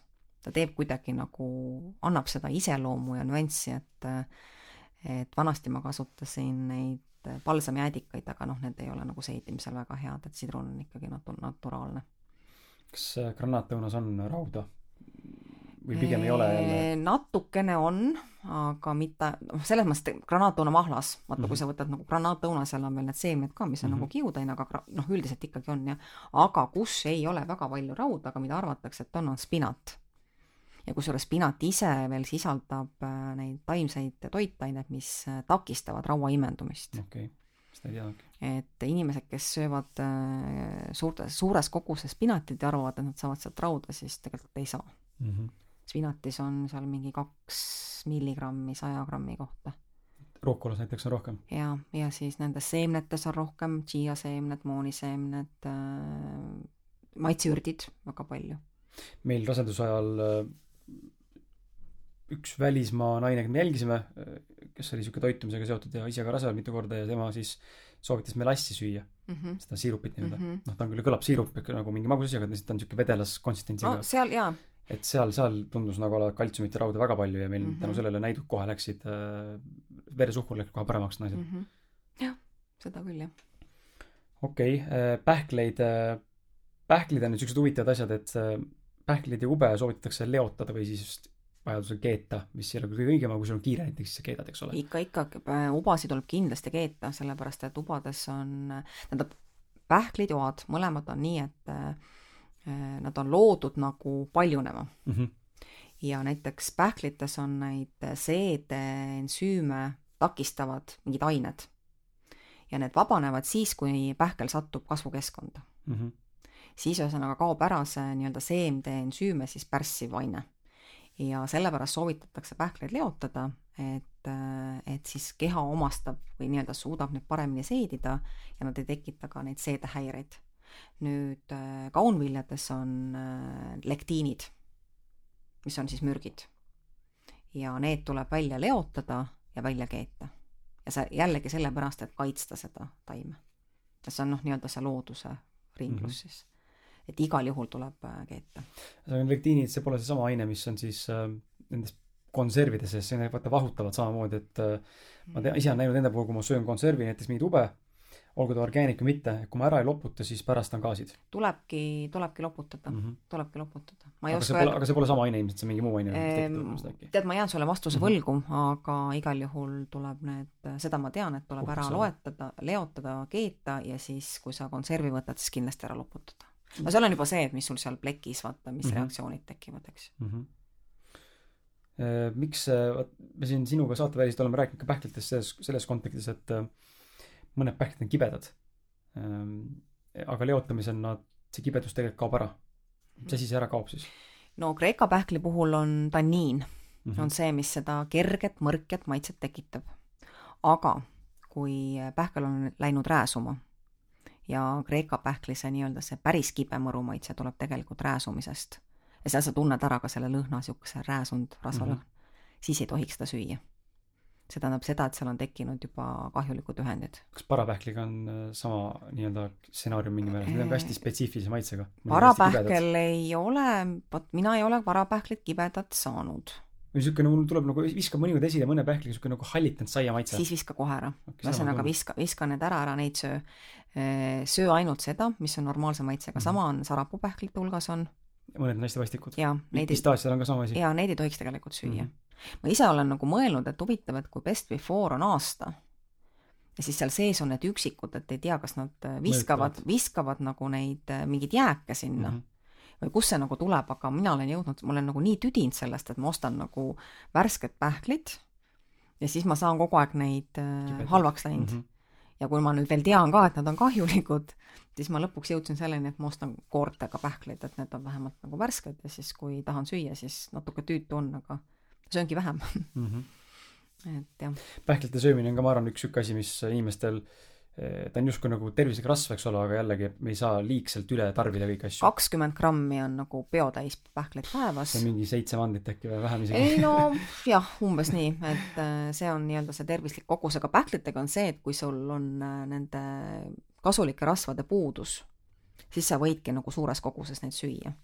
aga mingi hetk sa nagu küllastud, siis enam ei taha sest see on ikkagi kalor, see on jõhker kalor, kalor. ta on, ta on jõhker kalor jaa, loomulikult. ja kui sa oled näiteks naisterahvas, kes äh, sööb tervislikult või, või mis iganes vanuses sa oled, aga sööd näksimise mõttes jubedat pähkleid peale kogu aeg, siis tegelikult ju kalori tootlikkus on pärast mõtled üle ja sa võtad juurde tegelikult. jaa, loomulikult ühes grammis rasvas on ju üheksa kalorit mm. -hmm. et äh, see on, on küll jah, aga me pähkleid vajame, pähkleid sööma peab, kakskümmend, kolmkümmend grammi on täiesti okei okay kogus ja seda võikski kasutada siis näiteks puuvilja ja, ja puuviljaga koos mingi vahepalana ja kusjuures süsivesikud äh, imenduvad ka aeglasemalt, kui sul on rasv või valk seal kõrval mm. -hmm. et selles mõttes on need pähklid nagu ideaalselt siis puuvilja kõrvale, et siis ta on igati tervislik. aga milliseid seemneid soovitada? Chia-seemned, kanepiseemned, need on siis oomega kolm rasvhapetarikkad, linaseemned samamoodi ja linaseemneid ei tohi palju süüa, sest sealt, seal võib see ja kindlasti ei tohi neid kuumutada. ja, mitte tervelt süüa, peab ära jahvatama siis? jaa, kui sa tahad saada neid äh, toitaineid sealt kätte, siis tuleb ära jahvatada mm. -hmm. kui sa sööd nad tervelt, siis ta toimib sul soolestikus lihtsalt kiudainena ja viib seda muud jama välja sealt. nii et tal on kaks otstarvet? tal on kaks otstarvet, just. ja siis äh, kõrvitsaseemned, magneesiumi rikkad allikad, eks ju. Mm, põhimõtteliselt kõik seemned. sa küsisid enne, kust Eh, mina valkusammu praegu tuleb meelde, et smuutidesse ma väga tihti panen kas tervelt või siis sisse, eh, kui ma smuutisid joon, ma pole pikalt joonud, nagu tol ajal jõin, panin kõrvitiseemned sisse, sest et kõrvitiseemnetes väidetavalt saja grammi kohta on peaaegu kolmkümmend grammi valku, mis on väga palju mm. -hmm. ma ei tea, kas see nüüd iga pool data sama on, aga ma olin hämmastunud, kui ma nägin seda statistikat selles mõttes, et ja, see on väga palju ja, tegelikult osakaalu. arbuusiseemnest samamoodi mm. -hmm et tegelikult ei tasu neid arsu, arbuusiseemneid ka välja sülitada, et mõned on küll sellised hästi kõva kestaga mm, -hmm. et siis on nagu ebamugav, aga aga paljud seemned on ikkagi nagu täitsa, täitsa ära krõmpsutatavad. val-, valgurikkad? valgurikkad, jah. ehk siis põhimõtteliselt siin võib olla ka turundusmõte, et tee siis arbuusiseemnetest, kuivatatud arbuusiseemnetest arbuusiseemnete jahvatanud pulbri ja siis võid seda panna kuhu iganes tahad. jaa, aga pulbritega on nii, et need, kõik need rasva, rasvasisaldusega siis seemnepähklid, nad säilivad paremini, kui nad on oma selles kestas mm. -hmm. ja jahedast tuleks kindlasti hoida, et suvel eriti siis nad Ehk... rääsuvad, eriti need, mis on nagu oomega kolm rikkad, siis mm -hmm. linaseemned, kanepiseemned ja, ja noh, mina ei soovita, vähemalt ma olen ise nii palju nagu ämbrisse läinud sellega, kui ma ostan linaseemneõli näiteks poest, et on ikkagi, valdavalt on neil rääsuma samamoodi Kreeka pähklid, Kreeka pähkel on ka ju see omega kolm, et sellepärast mm -hmm. see Kreeka pähkel rääsubki kiiremini kui teised pähklid. Need okay. omega kolm, kolmed lähevad nagu kergesti. Need pigem siis kiiresti ära tarbida no jaa, kui sa saad üldse nagu kusagilt mm -hmm. seda värsket. et tasub, noh, ütleme, kui lahtiselt müüakse, siis noh, kui päris nagu nina sinna sisse ei pista, aga veidi, veidi nagu tõmban ikkagi nagu üle, et kas, kas üldse on nagu reaalne, aga jah, koores mm. -hmm. ostad omal pähklitangid ja krõpsutad ise neid seal kodus. no tagasi, tagasi sellesse, samm tagasi nii-öelda väga lahe. aga lähmegi vitamiinide juurde siis, et ähm, siin on, äh, ma tean, sul on juba hunnik vitamiine, millest sa tegelikult saad meile rääkida, et äh, jaa, hakkame kuskilt äkki, äkki minema. A-st, A-st hakkame A-st minema. jah, A-vitamiin on siis, teda tuntakse infektsioonivastase vitamiinina, mis tähendab seda, et viiruste ajal on väga oluline, et A-vitamiinid, A-vitamiini rikkad toidud oleksid laual ja ta tugevdab ka immuunsust ja teda leidub siis kollastes ja oranžides äh, köögi- ja puuviljades, näiteks porgand, bataat, mango, aprikoos, aga samamoodi rohelised lehtviljad, lehtkapsas, spinat, petersell, on teda ka loomsetes siis maksas ja täispiimas.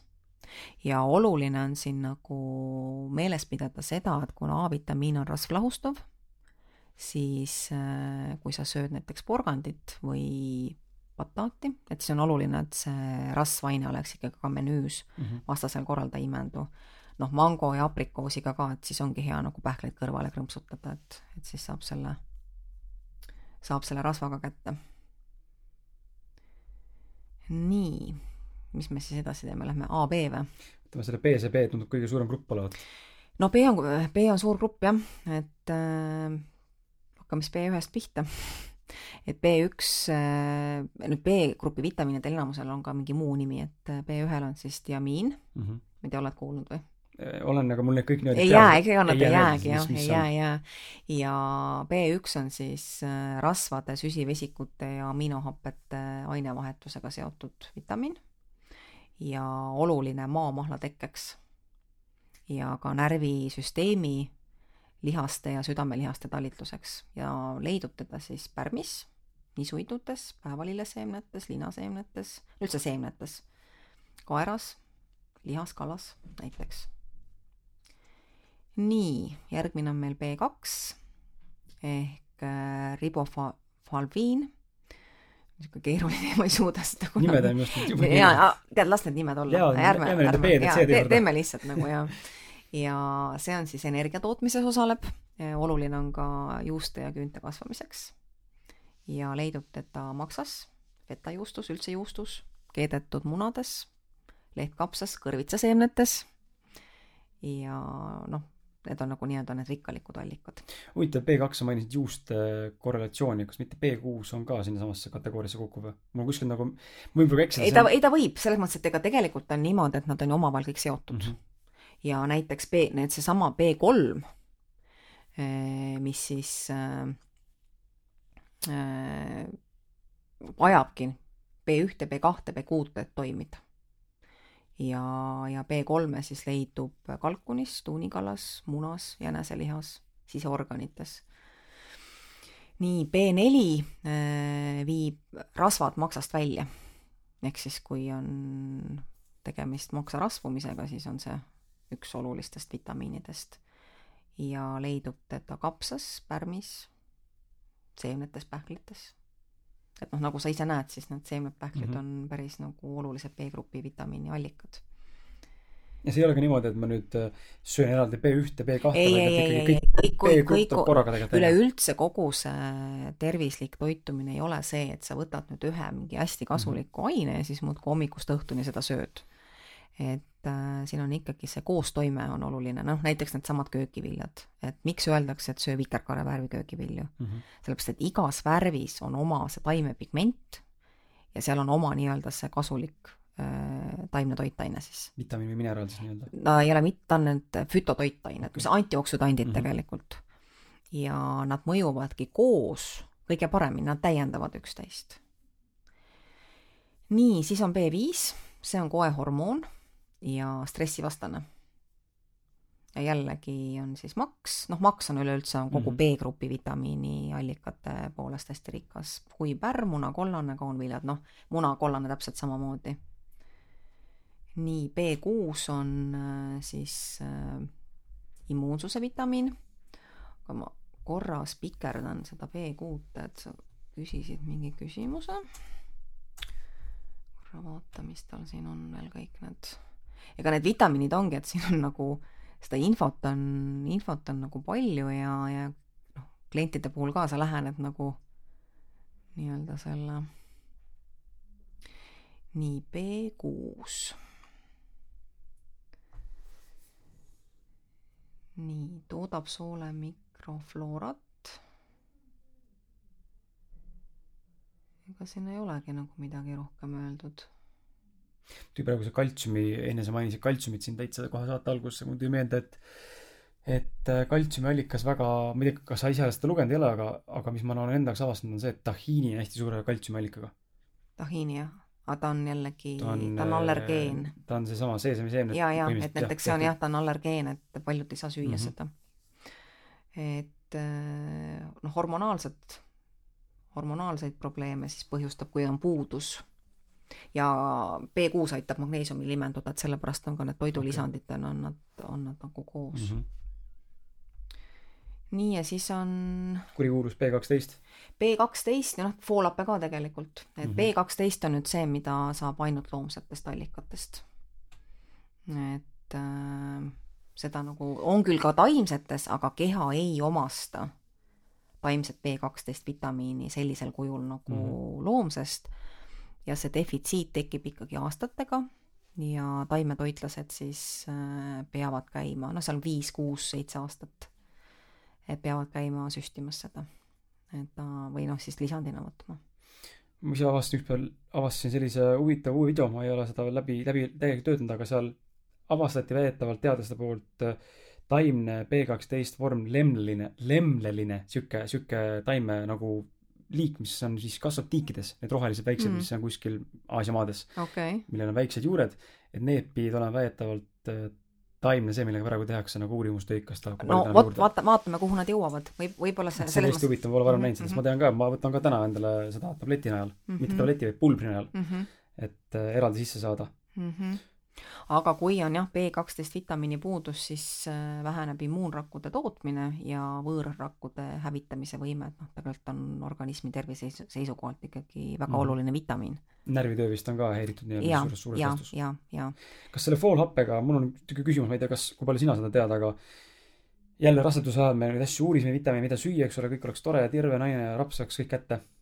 et äh, foolhappe on see, mida meile kogu aeg soovitatakse, aga ma jõudsin selleni, et äh, folaat Just, on tegelikult äh, algne versioon, foolhappe on selle sünteetiline vorm. aga miks meile siis soovitatakse ainult foolhapet, kui tegelikult folaat see on tegelikult, on äh, kuidas ma ütlen, kõnekeeld või kõne mm, -hmm. mitte kõnekäänd, aga noh, see on nagu harjumuspärane on foolhape. tegelikult jaa, on folaadid ja need on siis pärinevad rohelistest lehtedest, marjadest, maksast, pärmisseemnetest. aga turul on eraldi müügil ka need, selles mõttes on üks on folaat ja sul on foolhape, eraldi tooted. nagu sa mõtled nagu toidulisand või? jaa, jaa sest mina võtan folaati. ei, ei, ei, ei, ei. ma võtan folaati, folate, mitte, mitte folic acid okay. inglise keeles siis. vaata, nüüd ma jään sulle nagu vastuse võlgu selles mõttes, et see, mida mina tean, ongi, et folaat on äh,, pärineb toidust mm. -hmm ja voolape on siis äh, kuidas me nii-öelda räägime just? okei okay,, mina lihtsalt kuskilt terast nägin, et on erinevad allikad, ongi voolape vaata, seda võiks isegi, võiks nagu uurida, seda preparaati, et mis ta siis täpselt on mm, -hmm. et äh, jah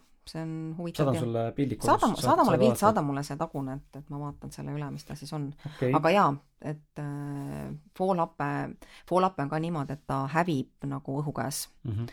ehk siis, kui sa need salatilehed näiteks, mis on väga foolhapperikkad, et kui sa võtad nad peenra pealt ära, siis tuleks suht kiiresti ära süüa mm. -hmm.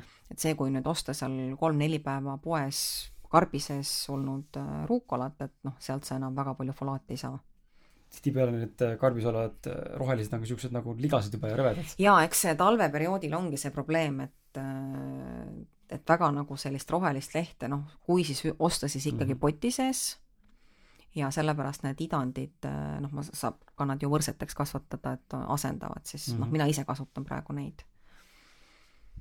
kas selle B kaheteistkümnega ma tahtsin küsida, et seal on ka ju tegelikult on see mis ta oli, metüülkobalamiin ja alakobalamin äkki nimetused õiged, mis on ja, ja. ka, ka erinevad B kaheteistkümne vormid, et kumb siis on tegelikult mulle vajalik või no mõlemad seal B kaheteistkümnes sees eh, lisandina või, või toidu sees, et aga miks nad nagu, miks, miks tal on see kahe, kaheline nii-öelda ahel või, või ma ei saagi aru sellest mm,? ja kui sa ei tea, ega sa ei, ei ma pea ma praegu nagu, ei tea jah.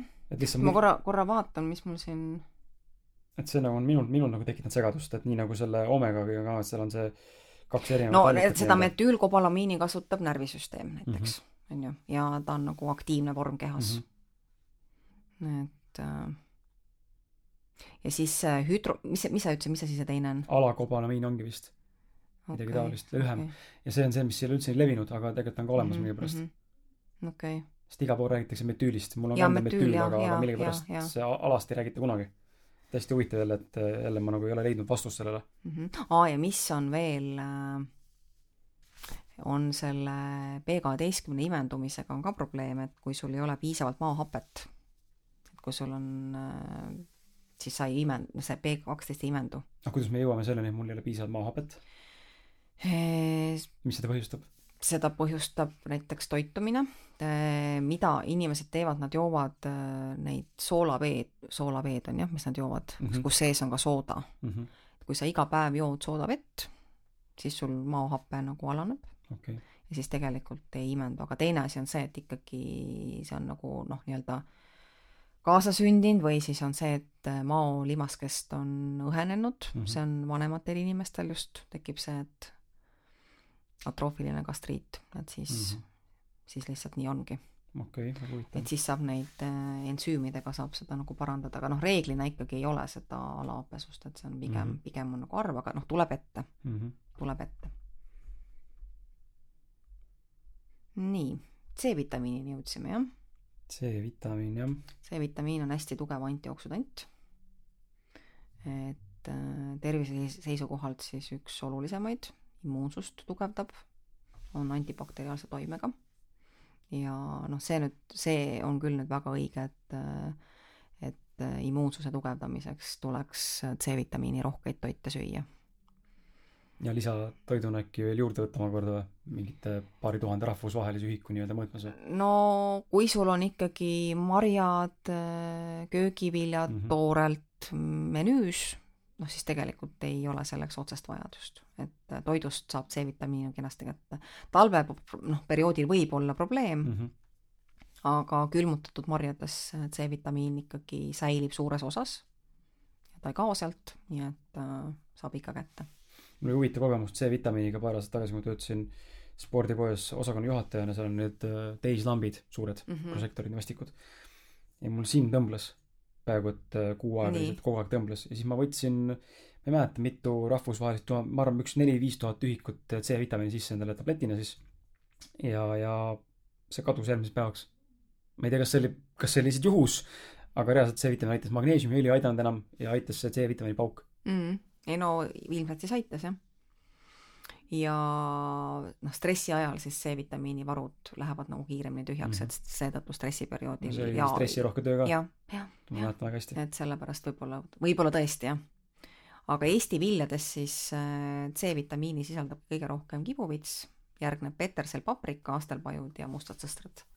et sidrun on seal topis ikkagi Allpool. allpool jah mm. -hmm. kuigi noh, sidrunimahl on väga hea ja selle saab sealt ka kätte, et, et ma ei ütle mitte seda, aga lihtsalt, et kui ma ise nagu noh, mõtlen ja imestan selle peale, et vaata tahetakse nüüd need kibuvitsapõõsad ära hävitada mm. -hmm. no täiesti täiesti müstika, täiesti mõtlematu, sest tegelikult äh, kibuvitsamari on Eesti mõistes ikka tõeline superfood. et äh, sellest, sellest oleks küll väga kahju, kui nad nüüd selle ära teevad. ja aga mis on ka C-vitamiin siis kuumuse käes hävib mm. -hmm. ja kokkupuutelõhuga. et noh, ei tasu teha smuutit valmis hommikul ja siis lahtises nõus seda hoida ja, ja õhtul. lõunaga juua ja Mhm. arvad, et siis sa saad C-vitamiini, et siis sealt on juba, paljud on nagu ära läinud. E-vitamiin on ka antioksüdant ja tal on tugev immuunfunktsiooni tugevdav toime ja saab teda mandlitest, pähklitest, kalast, oliiviõlist, avokaadost, aga ka näiteks punasest paprikast. nii, D-vitamiin kusjuures on rohkem on nagu hormoon, isegi toimib mm. -hmm. nagu hormoonina. ja noh, päris paljud haigused on tegelikult äh, seotud D-vitamiini puudusega siin nüüd, mille üle nagu võib-olla vaieldakse, et kas need haigused on siis D-vitamiini varud tühjendanud Mhm. või on see D-vitamiini puudus haigused põhjustanud. okei, et äh, siin on nii ja naapidist äh, seisukohta, aga noh, seostatakse ikkagi D-vitamiini vaegust paljude vähitüüpidega, depressiooniga, sagedase haigestumisega üleüldiselt, kroonilised valud, väsimus, kõik need. Mhm. kus me seda eestlasena täna siin talvel saame seda? no vaata, tee, ütleme niimoodi, et kui see teha nüüd hästi hea ja tasakaalus menüü, et kui sa just iga päev kala ei söö, siis D-vitamiin on ainus, mida tegelikult ei saa väga hästi nagu menüüga kätte mm, -hmm. toidust kätte, et seda peaks ikkagi siis võtma lisandina, aga seda ei ole mõtet võtta umbes, et tasub ära teha analüüs, vaadata, mis see tase veres on, et kui ta on all normi, siis tuleb seda kogust suurendada. Ja kui ta on seal normi piires, siis tuleb teda hoida, ehk siis no ütleme, maksimaalne selline ohutu annus, mida mida toitumisterapeudid võivad soovitada, on siis neli tuhat IU-d. päevas? päevas, jah. me ise võtame paar tuhat, aga mu küsimus ongi huvitav see, et rääkides vitamiinidest, et aga kui see on nagu meile hea ja tervislik, kasulik, siis kuidas saab heast noh, vitamiinist nagu üle minna, et ta läheb ta on üle... mürgine, selles okay. mõttes, et ta muutub ikkagi, kui ta on üledoseeritud, rasvlahustuvat vitamiine ei tohi kindlasti üle võtta mm. -hmm nüüd vesi lahustuvatega on noh, enam-vähem on nii, et see, mis nagu üle jääb, see viiakse siis kehast välja, aga B6-l on ka oma need eh, nii-öelda maksimaalsed piirid, et okay. et üle ei tasu igal juhul doseerida, kuigi noh, ütleme niimoodi, et eh, toiduga sa väga noh, üle ei saa mm -hmm. jah. noh, välja arvatud siis seleen, mis on see mineraalaine ja, ja parapähklis, ütleme tegelikult oma seleeni koguse saad ühest parapähklit mm, -hmm. ühest parapähklist, aga kui sa sööd nüüd ikkagi nagu seal äh, kümme või kakskümmend ja iga päev, siis sa saad seleeni mürgituse okay. et jah, aga rasvlahustuvate vitamiinidega kindlasti ei tohi neid äh, ülemisi mm -hmm. piirannuseid nagu ületada, et et ega ükski asi ei ole hea, kui teda on liiga palju. aga jah, D-vitamiin on ka, osaleb siis energiasünteesis või DNA sünteesis energia tootmises mm, -hmm. et, sellepärast on ka see väsimus. vot, nii, ja siis on selline vitamiin nagu Q-vitamiin, ma ei tea, oled sa sellisest vitamiinist ka midagi kuulnud? ei ole üldse või? Q-ensüümist oled kuulnud või? Vot, Q-vitamiinist äh, siis sünteesitaksegi Q-ensüüm ja see Q-ensüüm on tegelikult äh, siis aitab äh, südame-vereringel nagu käivituda mm. -hmm ja see on sama nagu autol on kütus siis, et kui kütust ei ole, auto ei käivitu, kuukümmet ei ole, siis organism okay, ei käivitu. kuukümnest nüüd on juba kuulnud, nüüd on tuttavam juba. lihtsalt kuuvitamiin tundus siuke ah,, et okay, pole nagu kuulnud okay., kuukümmet ma olen nagu ja. kuulnud, jah. ja organism sünteesib seda ise, kui maks töötab hästi mm. -hmm. et siis, aga noh, toidust saab ka teda munakollane jällegi, eesrinnas kana, lihad, sardiinid, makrellid ja see on ka Q10 on siis vananemisvastane vitamiin. nii, ja siis on üks on veel, on K-vitamiin, sellest oled midagi kuulnud? ikka jah, seda me tarvisime ka siis, kui äh, rasedus oli meil käes mm. -hmm. siis ja lastele süstitakse ju K-vitamiini ka või mm -hmm. soovitatakse anda. see on siis see vere hüübimise vitamiin ja samamoodi kasutatakse valkude sünteesiks. ja K-vitamiin muideks hoid-, aitab hoida kaltsiumit luudes, et ta mm -hmm. on nagu selles osas on ka oluline ja vähesus siis tekitabki, võib näiteks osteoporoosi tekitada mm. -hmm. ja hapendatud tooted on äh, allikad. et väga head ja juust, hapupiim. hapendatud ehk jälle fermenteeritud? fermenteeritud, jah. tuli sellega meelde, et see on see tempe. tempe, jah. tempe ja, ja, just, just, just, just. fermenteeritud tofu vot, et vitamiinidel on enam-vähem nüüd ring peal, aga ma mõnest võib-olla mineraalainest ka siis lühidalt mm, -hmm. et raud, rauapuudus on üsna sage, rauapuudus on ka taimetoitlastel, ma ei tea, kuidas sinul ferritiini tase on? ma testisin seda, ma arvan, üks aasta rohkem tagasi mm, -hmm. siis ei olnud, siis kui naisega olime rasedad rohkem, laps on aasta neljakuune, midagi sinnakanti aastat tagasi. et siis olid meil kõigil näidud tundusid normis ja ka lapsel mm -hmm. on normis täna. nii raud kui siis ferritiin, jah? jah mm -hmm.. aga meil ait-, naisel just aitas väga palju just see melassi söömine mm. -hmm okei okay,, see aitas jah. et see lükkas kohe asjad, asjad mm -hmm, paika mm. -hmm. seda sa tead, on ju, et äh, taimsest rauast imendub viis protsenti mhm. ja loomsest on siis seal kakskümmend viis, mhm. et et seda pead ka jälgima, et kui sa võtad näiteks, ma ei tea, mingi taimse toidu, vaatad Nutridatast, ahaa, sisaldab seal kakskümmend mikrogrammi, siis sellest kahest, kahekümnest mikrogrammist tegelikult keha suudab omandada viis protsenti. Mhm. ja nagu me enne rääkisime, siis C-vitamiini rikkad toidud nagu seda suurendavad. võimendavad seda, jah. Mm -hmm. ja kohvi jällegi nagu vähendab mm, -hmm. et ei soovita siis, kui sa tead, et sa nüüd teadlikult, vot see on mul rauaroog, on ju. panen kohvi juurde siis ära kohvi pane, jah.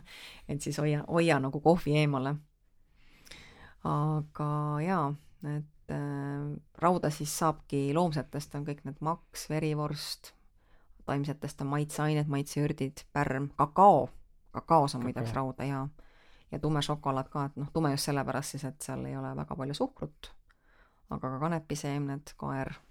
mul on siin veel kirjas äh, küpsetatud äh, sojaoad äh,, läätsed, punased oad ja, ja kikerherned. jaa, on küll, on küll, jah lihtsalt ma ei tea neid koguseid, ma ei ole niimoodi mõõtnud, noh, siin on mul kirjas ka, aga ma ei ütle midagi mulle siin, et milligrammi kohta mm. -hmm.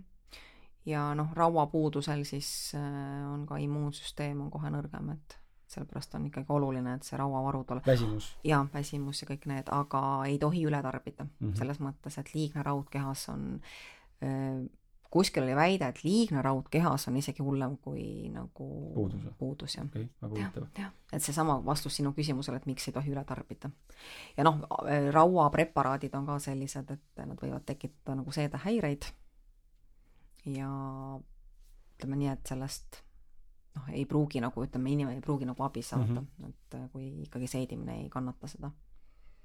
siis äh, tsink on veel see, mis immuunsust tugevdab hävitab äh, mikroobe ja aitab kaitsta keha vabade radikaalide kahjustuste eest. ja samamoodi takistab paljude viiruste kasvu, nii et noh, tsink on jällegi, ütleme, gripihooajal on niisugune asendamatu mineraalaine ja saab teda seemnetest, saab pähklitest, kaunviljadest, maksast ja pärmist mm. -hmm. ja seleen on äh, siis lisaks sellele, et ta on nagu immuunsuse tugevdaja, ta aitab ka kehast välja viia raskemetallе. ja seleeni tõesti, ütleme, et kui need parapähk, üks parapähkel päevas katab selle päevase mm -hmm. vajaduse, teda leidub ka kalas, lihas, munas, täisteraviljas. ja C-vitamiin jällegi aitab seleeni omandada, omastada paremini okay,. seda ma ei teadnudki. seda, seda, see on ka jah. nii, siis on meil magneesium. magneesiumit on jällegi vaja siis põhiainevahetuseks ja normaalseks närvitalitluseks. miks re reklaamid on ka, et kui sul käsi väriseb, on ju, et siis võta magneesiumi. ja samamoodi siis äh, soodustab nagu kaltsiumi rolli, et luukoe areng, arenguks ja uuenemiseks ja saab teda seemnetest. vot siin on nüüd need arbuusi, meloni ja muud seemned. kinoas on kakaos jällegi mm. -hmm. ütleme, kakao on üldse nagu mineraalainete rikas tegelikult Tor. toorkakao peaks ära äkki mainima. toorkakao, jah, jah, toorkakao. just, just, just, just, ja, ja, ja, ja selles mõttes ja ikka toorkakao, täpselt väga õige märkus.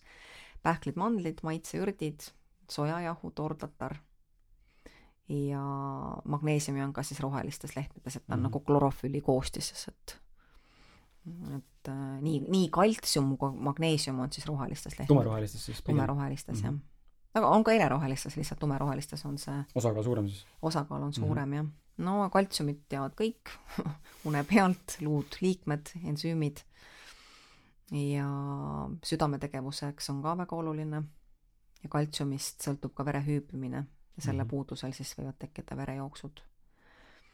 ja kaltsiumist, äh, kaltsiumit leiame noh, rääkides nüüd siis taimsetest, on kõik need äh, rohelised lehtviljad samamoodi lehtkapsas, kaalikas, naeris, rooskapsas, pähklitseemned jällegi. tahiini, aga sa ütlesid, see on allergeen mõnede jaoks? see on mõnede jaoks allergeen, jah. tofus on spinatis ja loomsetes siis äh, kalad, äh, liha mm, -hmm. piimatoot, jogurt näiteks. vot, et need on nagu sellised põhilisemad võib-olla Need on siis kõige suurem müsteerium on see omega-3 rasvhapped. omega-3 rasvhape on jaa, selles mõttes, et äh, see on asendamatu rasvhape, samamoodi nagu omega-6. Äh, omega-3 äh, omastab keha kõige paremini kalast mm. -hmm.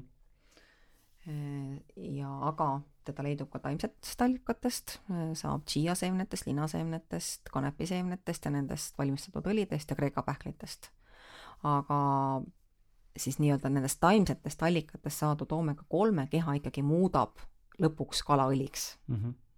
et selles mõttes ütleme, kalaõli mis söömine. ALA läheb EPH-ks nii-öelda siis? EPA ja TEHA jah mm. -hmm. ehk siis see tähendab seda, et äh, noh, kehale on lihtsam, kui sa saad ta läbi mm -hmm. kalaõli, aga taimne katab ka ilusti vajaduse ära ja kalaõli ja need epad ja tehad, need on siis põletikuvastased ja pluss see, et nad pehmendavad rakkusid, et need vitamiinid ja mineraalained saaksid siis nii-öelda rakku siseneda mm. -hmm. et kui raku kest on äh, kõva ja seda raku kesta kõvaks muudavad äh, transrasvad ehk siis osaliselt hüdrogeenitud rasvad, et äh, siis on, ongi see, et meil tekib ka toitainete puudus, sellepärast et äh, rakud lihtsalt ei suuda seda omastada. aga nüüd siis äh kalaõli aitab seda pehmendada, ta on põletikuvastane, ta on äh, aju, ajutööks väga oluline, depressioon äh, on seost-, seostatud kala või selle oomega kolm rasvhapete mm -hmm. puudusega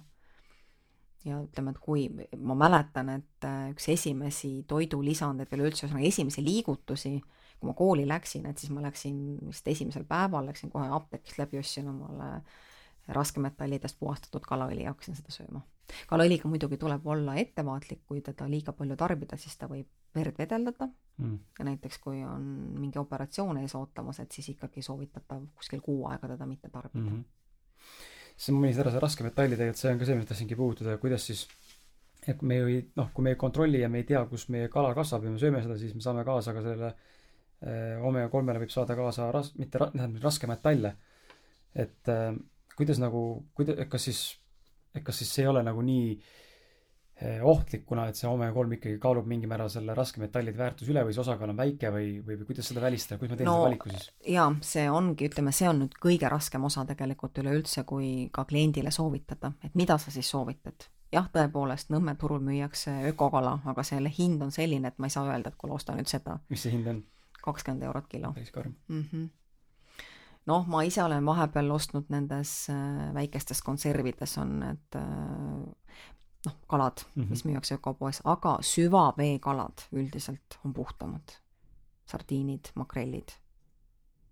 see on number üks, eks ju mm. -hmm. number kaks on jõekalad ise püüdma minna? ise püüdma minna. kuskil kohalikus kohas pigem? ja, ja või siis äh, noh, mina söön kalaõlina mm. -hmm. et see on mul kogu aeg olemas. Aga noh, samas muidugi kala on ka D-vitamiini allikas, ta on valguallikas mm, -hmm. ta seedub paremini kui liha, et noh, ta on nagu kahe otsaga asi, aga jah, selles mõttes on keeruline teema, et saada meil siin kätte puhast kala ja mida rasvasem on kala, kui ta on nagu merest püütud, siis seda rohkem on neid raskemetalle sinna kogunenud. Leidsin endale siin äh, üks kuu aega tagasi ühe toote, mida ma veel ei ole veel tellinud, aga mul on huvi proovida, kuna ma omega kolmele eriti ise väga ja kuuele ka tähelepanu ei pööra niimoodi teadlikult, ma nüüd jälgin nende suhet ja kas sünteesi või sünteesi. et šiiaseemne ma söön ja linaseemneid söön ka äh, jahvatal kujul, aga just nägin mingit äh, ühte kvaliteetset nii-öelda siis vetikatest välja tõmmatud, külmpressitud mingit siis noh, sellest kuidagi saadud, ma ei tea, kuidas seda tehakse, eks ole, ei olegi minu oluline küsimus. aga et tahan, tahaks nagu proovida näha, kuidas, mis nagu see nende tulemustega teeb mm. -hmm. Aga noh, siis ma et peaks tegema enne võib-olla tulem-, testi nagu enne tarbimist ja pärast tarbimist. jaa, täpselt. muidu ma ju ei tea. täpselt, millega sa võrdled pärast, eks ju. okei okay., äh, nendega vist meil vitamiin C ülevaade tehtud. Äh, e-, enne kui me läheme edasi siit, äh, me natuke saame veel rääkida siin mind tegelikult huvitas, ma nägin, ma jätsin vahele küsimuse seoses sellega, et ma olen kuulnud sellist mõistet või sellist nagu arusaama, et et kui me sööme korraga toidu ära, näiteks mis iganes toit meil on siis toidukord, sööme selle ära ja, ja kui meil on pärast täiskõhutunnet või toidu ärasöömist on tunne, me tahame magusat või soolast, siis need tegelikult tähendavad midagi. kui palju sellest kuulnud olen, ma ei tea, aga väidetavalt on selline seos, et kui meil on magus järel isu pärast nagu korralikku portsu söömist, nagu et ah, tahaks magust toitu siis see näitab, et toit, toit, toit oli toitainevaene, väidetavalt. ja teistpidi, siis kui sa tahad nagu soolast saada pidevalt, siis näitab seda, et sul on kehas mineraalid ja puudujäägid. et kui palju, kuidas sina sellega nagu nõustud või, või mitte nõustud või mis su enda mõtted selle teemal on, kas sa üldse oled kuulnud seda? ja, ja ikka, selles mõttes, et see, kui sul tekib pärast äh, toitu magusa isu, siis see näitab seda, et äh, sa said need kiiresti imenduvad süsivesikud mm, -hmm. mis äh, tõstsid su veresuhkru taseme korraks üles ja sama kiiresti langetasid ja siis on vaja uut noosi. Ja sellepärast tekibki magusaisu.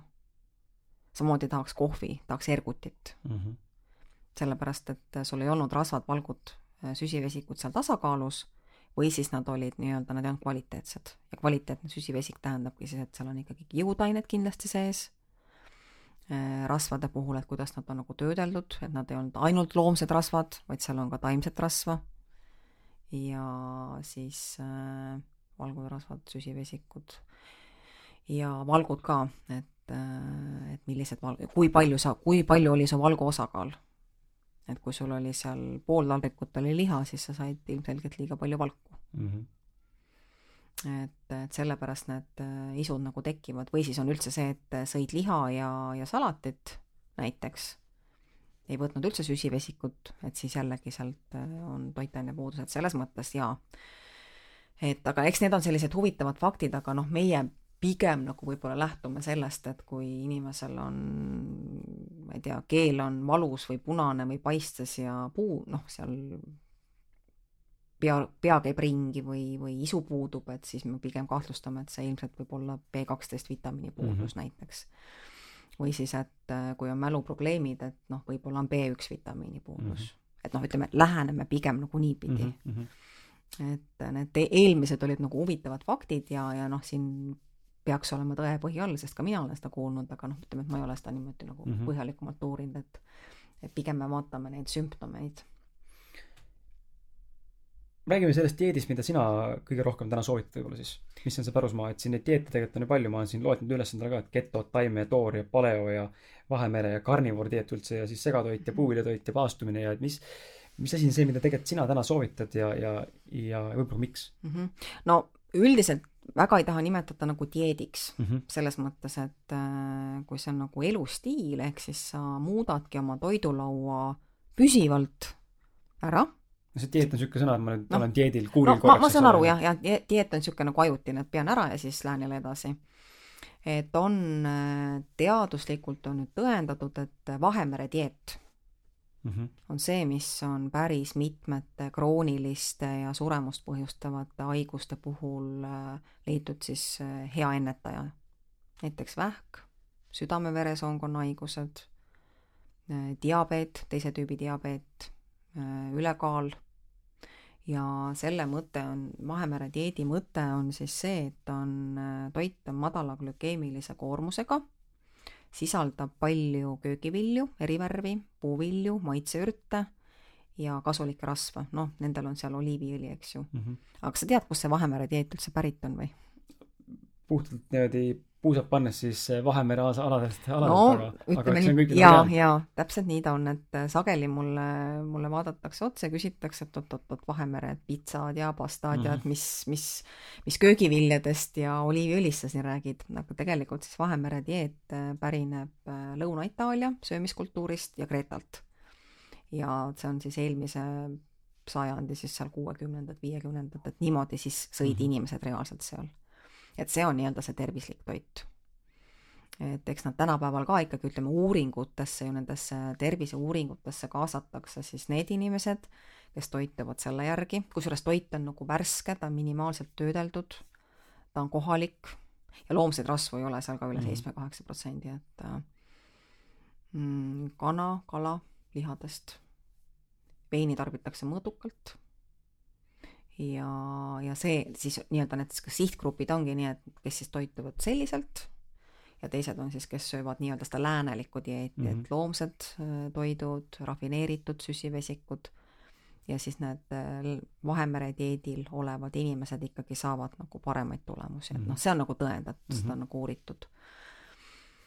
et seda soovitan ja just see glükeemiline koormus, et äh, et see, see tähendab siis seda, et kui äh, suurt koormust avaldab mingi süsivesik kehale, mida madalam ta on, seda kasulikum ta on. et siis me ei koorma seda insuliini tootmist kehas ja pluss see, et äh, kui sul on veresuhkur on pidevalt tasakaalus, sa ei väsi, su mõte töötab õhtuni, sul on energiat, kõike seda, selle ma olen ka omal nahal nagu läbi teinud, et mul oli ka eelnevalt oli selline äh, suur-suur väsimus kogu aeg ja mhm. hommikuti ei jõua tõusta ja lõunaaeg on juba selline, et enam ei viitsiks või ei suudaks midagi teha, et mõneks asjad kokku läks magama. -hmm. aga kui ma hakkasin järgima seda glükeemilist koormust, siis nagu paranes, noh, see ei ole midagi li-, või see on lihtne, ongi köögiviljad oleksid olemas, eks ju, kiudainete rikkad mm. -hmm. kui teravilja süüa, siis kindlasti täistera, noh, marju palju, puuvilju puuvilju võib, võib nagu selles mõttes süüa, ütleme üks-kaks tükki korraga, marju võib rohkem süüa, näiteks maasikat pool kilo on täiesti okei okay ära süüa, et okay. seal on see, see glükeemiline koormus on nagu madalam mm. -hmm. aga noh, banaani üle ühe ei soovita ja, ja mis need magusam, noh, tatleid ka ei soovita nagu pool kilo ära süüa et siis on ka päris, päris kole pärast see olemine aga muidu dieete me ikkagi noh, ütleme sellist ekstreemset dieete me ei soovita, et seesama keto, mida sa mainisid, see on tegelikult mm -hmm. üldse mõeldud nagu raviotstarbel. siis äh, toortoit on ka nii, et äh, noh, toortoit ja taimetoit, taimetoit on ülivajalik. ja siin on nagu väga tugevad äh, seosed, et nende inimeste vahel, kes siis tarbivad palju taimetoitu, nende tervis on parem rasketesse haigustesse riskitegur, see on väiksem, aga oluline on ikkagi nagu see tasakaal ja kui sa sööd ainult toortoitu, siis sa ei saa ka kõiki vitamiine ja mineraalaineid nagu kätte, et osad imenduvadki siis, kui nad on töödeldud, töödeldud jah. ja samamoodi toitu on äh, lihtsam seedida, et kui sa oled ainult toortoidu peal, siis mingi hetk su seedesüsteem võib ka öelda, et ta ei jaksa enam mm -hmm. niimoodi. no ma eeldan, et karnivoor vist on samamoodi samasse auku, et teine süke, kus jaa, teine äärmus. ma ei kujuta ette, mis see keha teeb seal siis. no üleküllus valgust ilmselgelt. huvitav on see, et sa mm, mainisid seda, selle, selle, selle, neid haiguseid, et ma ise olen ka nagu seda maailma nüüd noh, alles hiljuti hakkan nagu kompima rohkem just, et mis need, mis, mis need tekivad ja mis tekib ja mis, mis soosib ja mis aitab ära hoida ja mis ei aita ja lugen mingeid töid ja vaatan videosid, asju ja muidugi infot on palju, aga minu enda küsimus ongi just nagu sellel mm,, sellel, ma toon korra selle Ameerika Ühendriikide Toidu- ja Ravimiameti info siia juurde, et nagu mingi põhjusel on seal, propageeritakse, et liha ikkagi ülepool, kus ta tekitab kantserogeenseid aineid koos tubakaga. ja ma ei tea, kas see on nüüd tõsi, ma ei ole ise neid uurimustöid teinud, ma ei ole läbinud, läbinud seda ja ma ei ole ise kogenud seda, aga, aga mingil põhjusel ikkagi liigskoguses liha peetakse ohtlikuks, aga samal ajal jällegi teda on vaja, sest seal on mingid vitamiinid, mida mujalt kätte on raskem saada või üldse ei saa näiteks see tasakaal on siis see tasakaal lihtsalt, et ma peangi sööma seda punast liha vähem ja sööma siis valget liha rohkem või, või, või mis ma nagu selle lahenduse leian siis mm? -hmm no rääkides, et mida liha sisaldab, siis on ta, nagu me, kui me neid vitamiine läbi mm -hmm. vaatasime, siis kostus B-grupi vitamiinist päris palju läbi seda ja tsinki on seal, seleeni on, kusjuures rauda on maksas palju, palju rohkem kui punases lihas, et see on ka jällegi mingi müüt et punases lihas on palju rauda, on küll, aga maksas on palju mm -hmm. rohkem. ja siin pole vahet, millise looma nii-öelda see noh, ma, mina võrdlesin, mina vist tookord võtsin ja võrdlesin veiseliha, mis okay. on nagu see kõige punasem mm. -hmm. ja noh, samamoodi veretoodetes, siis verivorstis mm -hmm. on rohkem, aga need uuringud, mina olen neid vaadanud küll ja põhiliselt on need tehtud siis äh, töödeldud lihatoodete kohta. okei okay. Processed food nii-öelda ja töödeldud, jah? see on üks, jah, üks asi on siis see nii-öelda need valmis lihatooted mm, -hmm. teine asi on ka see, et kui sa toores liha, et sinna on juba pandud mingeid neid soolasid, äh, säilitusaineid, mida iganes, et ta säiliks mm. -hmm. või ta on gaasikeskkonnas või noh, ütleme kõik, mis ei ole enam naturaalne mm. -hmm. siis teine asi, mis tekitab, on valgu kuumutamisel tekivad need kantserogeensed ained okay.. ja mida rohkem sa teda, seda liha kuumutad, seda rohkem seda seal tekib mm. -hmm nüüd selle vastu aitab see, kui sa needsamad maitseürtide rohelised lehed võtad kõrvale, et need mm. aitavad seda mõju nagu vähendada okay.. ja valge liha, jah, valge liha puhul on isegi uuringud, et on kasulik. valget liha kindlasti soovitan süüa. ma ise söön ka valget liha. aga siin on muidugi see, et kuidas see loom siis on kasvatatud, et siin puhul ma noh, pigem eelistaks mahedat, aga see on jälle see, et seda pole väga palju saada mm. -hmm see on jälle niisugune probleem. et äh, aga liha tarbimist peab piirama ka loomsete rasvade pärast, et nagu ma olen siin korduvalt maininud, et see kaheksa protsenti on tervislik, et sellest üle ei tohiks minna, aga lihad on ka rasvased mm, -hmm. et seetõttu soovitatakse siis äh, mitterasvast liha. et äh, seal on jah, on ka mingid uuringud, et mis ütlevad, et äh, soolevähile ikkagi aitab nagu kaasa punase liha söömine samas on see, et jah, seal on need äh, noh, mingid vitamiinid, mineraalained, tuleb leida lihtsalt see tasakaal mm. -hmm. mina ise ei söö väga tihti punast liha, aga ma ei saa öelda ka teistele, et ärge sööge mm. -hmm. et Arusaadav. ütleme, neid uuringuid on ikkagi veel vähe ja, ja oleksin nagu sellisel oot-, äraootaval seisukohal, aga kindlasti ma ei soovita töödeldud lihatooteid, see on fakt mm. -hmm. Need on siis mi-, mis need umbes viinerid, kotletid, noh, kõik, mis on ühesõnaga, okay. kus on juba midagi eeltöödeldud mm, -hmm. eelküpsetatud, sest sa ei tea ka, mis, mis sinna kõik sisse pannakse mm. -hmm kui sul on äh, seal etiketi peal on mingisugune niisugune nimetus, mida sa isegi välja ei suuda lugeda, siis pane ta hea ka kõrvale, jah. -hmm. me oleme ise ka selle, lähtunud selle järgi, et isegi, no vahet pole, mis toiduainet sa sööd või mm -hmm. mis dieet oled, iga, vaatad lette, siis letil enamus on tegelikult ju kaheksakümmend viis või isegi üheksa protsenti tänasest toidupoest saadaval on tegelikult täis mingeid asju, mida sa ei loe välja mm. -hmm et see list on nii pikk, et vaatad mm -hmm. mingit kooki siis see kook on mingist kahesajast asjast tehtud, et nagu mm -hmm. tõesti ei saa lihtsamalt mm. -hmm. et siis ma olen ka otsustanud, et me ei tarbi seda mida, mida vähem asju on, seda parem on. jah, see on see clean label, et mm -hmm. mida puhtam on silt, seda, seda looduslähedasem ja tervislikum ta on.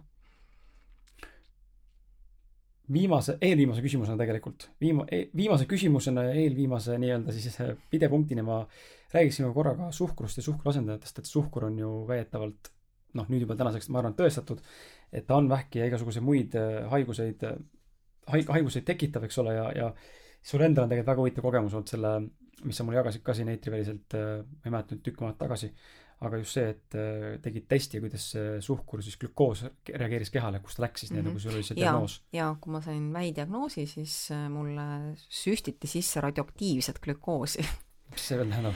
See on nüüd see kõige tänapäevasem vähiuuring, on see PET-uuring mm.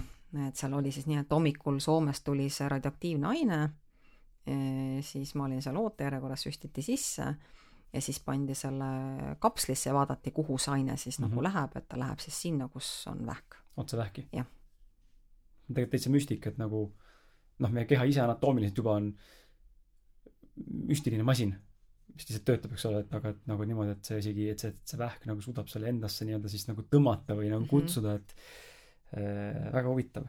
ja minu küsimus sulle tegelikult tuleb ka sellest, et et äh, võib-olla tahad ka korra, sa võid korra peatuda suhkrul ka, aga aga mind ennast just huvitab suhkruasendajate müüt, sest et mulle, mulle tundub, et see on jälle müüt, ma võin eksida siinkohal, aga mulle tundub, et kui me räägime siin suhkruasendajatest, nii nagu näiteks on aspartaam E üheksa viis üks või E üheksa viis kaks atsesulfaat K, siis need on väga levinud tänapäeval ja, ja kõige kurvem on see, et meile reklaamitakse siin, noh, ma ei hakka välja ütlema, kelle toode täna on see, ma tean ühte koobimia-toodet, üks äh, kulturist aga et äh, null lisatud suhkurt ja magusainetega ja kui sa tagant vaatad, mis see magusaine on, siis see on taas kirjas E-dena, väljadele ei kirjutata, mõnikord kirjutatakse mm, -hmm. aga kui sa mhm. guugeldama hakkad, sa tegelikult näed, et äh, kõrvalnähud ja need ohud, mis sellega võivad kaasneda, muidugi mitte esimesel tarbimisel ja mitte ühekordse tarbimisel, aga nagu kui sa järjepidevalt neid sööd, nii nagu Coca-Colagi, siis need tulemused ei ole tegelikult väga kihvtid, et äh, tuleb välja tegelikult isegi, et see suhkur, valge suhkur on isegi parem kui need magusained. et äh, mis värk selle magusainete müüdiga on ja miks see on nii, nii tugevalt meie pilti imandunud siia praegu? no need katsed on natuke vastuolulised mm. -hmm. et, äh, et siin ei saa nagu, nagu sada protsenti nüüd väita, aga ohutus on seatud küsimärgi alla. ja mina isiklikult lähtun nagu sellest, et kui asi on küsimärgi all, siis ma pigem ei topi oma nina sinna mm. -hmm. selles mõttes ma pigem siis ei söö seda mm, -hmm. kuni ei ole tõestatud vastupidist mm. -hmm nüüd äh, sellesama aspartaamiga on küll tehtud loomkatsed ja need on tõepoolest siis näidanud, et tekitavad lümfoome, leukeemiat, inimestel äh, võib ta tekitada väsimust, äh, astmat, migreeni, käitumisprobleeme, unehäireid. Et see on noh, nii-öelda inimeste mm -hmm. peal siis ära testitud. ja kusjuures ta leiutati juhuslikult, kui töötati välja maohaavandi ravimit mm noh, Coca-Cola ise pidi ka, oli algselt ju tegelikult ju rohelist värvi ravimijook nii-öelda, mis mm -hmm. siis mhm. muudeti, keemiline koostis ära. et äh, mul kunagi, päris noor, kui ma olin, siis mul oli sõbranna, kellel oli diabeet mm. -hmm. ja tema ütles mulle, et terved inimesed ei tohi süüa suhkruasendajaid. siis ma, noh, ma ei teadnud, mis seal nagu taga on, aga noh, põhimõtteliselt. Ega haiget, noh, ütleme, et diabeetikul lihtsalt ei ole muud võimalust mm. -hmm siin on nagu see, siis äh, teine selline populaarne on see atsesulfaam K. see sundis samamoodi laboris juhuslikult ja tema on siis lauasuhkrust on sada seitsekümmend kuni kolmsada korda magusam. täitsa jube tegelikult niimoodi mõeldes mm. -hmm ja mõju inimorganismile ei ole tõendatud mm, -hmm. ei ole piisavalt uuritud, aga jällegi kahtlustatakse, et on kantserogeenne. aga siin ongi see, et no proofs mm. -hmm. No. siis on sahariin, see on nüüd kõige vanem aga sahariin imendub väga kiiresti ja näiteks äh, rasedatel ta kindlasti ei ole, noh, ei tohi, tohiks nad seda tarbida, sellepärast et see ületab siis selle platsenta barjääri ja jõuab lootevereringesse ja mm -hmm. noh, mhm. seda ei ole vaja. nüüd on ka, noh, neid suhkruasendajaid on veel, aga üks, mille kohta ma siis leidsin, mis tänasel päeval on tunnistatud ohutuks, me ei tea, mis on homme, me ei tea, mis on mm -hmm. aasta pärast, on neotaam. Pole kuulnudki. no see on uus mm. -hmm. ja see on kolmteist tuhat korda magusam kui suhkur aga suhkru asendajates siis on üks suhkrualkoholid on, need küll ka, nad mõjutavad, ähm, võivad mõjutada seedesüsteemi ärritavalt mm, -hmm. võivad kõhu valutama panna, aga siis suhkrualkoholides selline kõige süütum on erütritool aga kas ülitool on ka vist mingisugune kas ülitool on ka, aga seal ma uurisin, et seal ikkagi on, on mingisugused need seedeprobleem mm, -hmm. noh, see seedimist mõjutab jah, aga selles mõttes küll, et kui sa ostad, nätsud on ju täis neid suhkruasendajaid mm, -hmm et üldse näts, mida süüa, siis ksülitooliga mm. -hmm. mitte selle aspartaamiga? mitte kindlasti. orbitada aspartaami taas. seal on ja seal on veel neid mitu tükki, minu meelest on seal aspartaam ja siis on atsesulfaam, ma nüüd brände niimoodi mm -hmm. ei tea, aga mhm. ma just, ma tean, laps ostis mul nätsu ja siis ma nagu lugesin ja mõtlesin, et selle peab nüüd ära peitma. E, nii, aga tervislikumad suhkrud on kokossuhkur kokospalmisuhkur siis? kokospalmisuhkur mm -hmm. jah, agaavisiirup väikestes kogustes, palju ei süü, saa süüa, sellepärast et äh, tal on ikkagi see fruktoosisisaldus on suur mm. -hmm.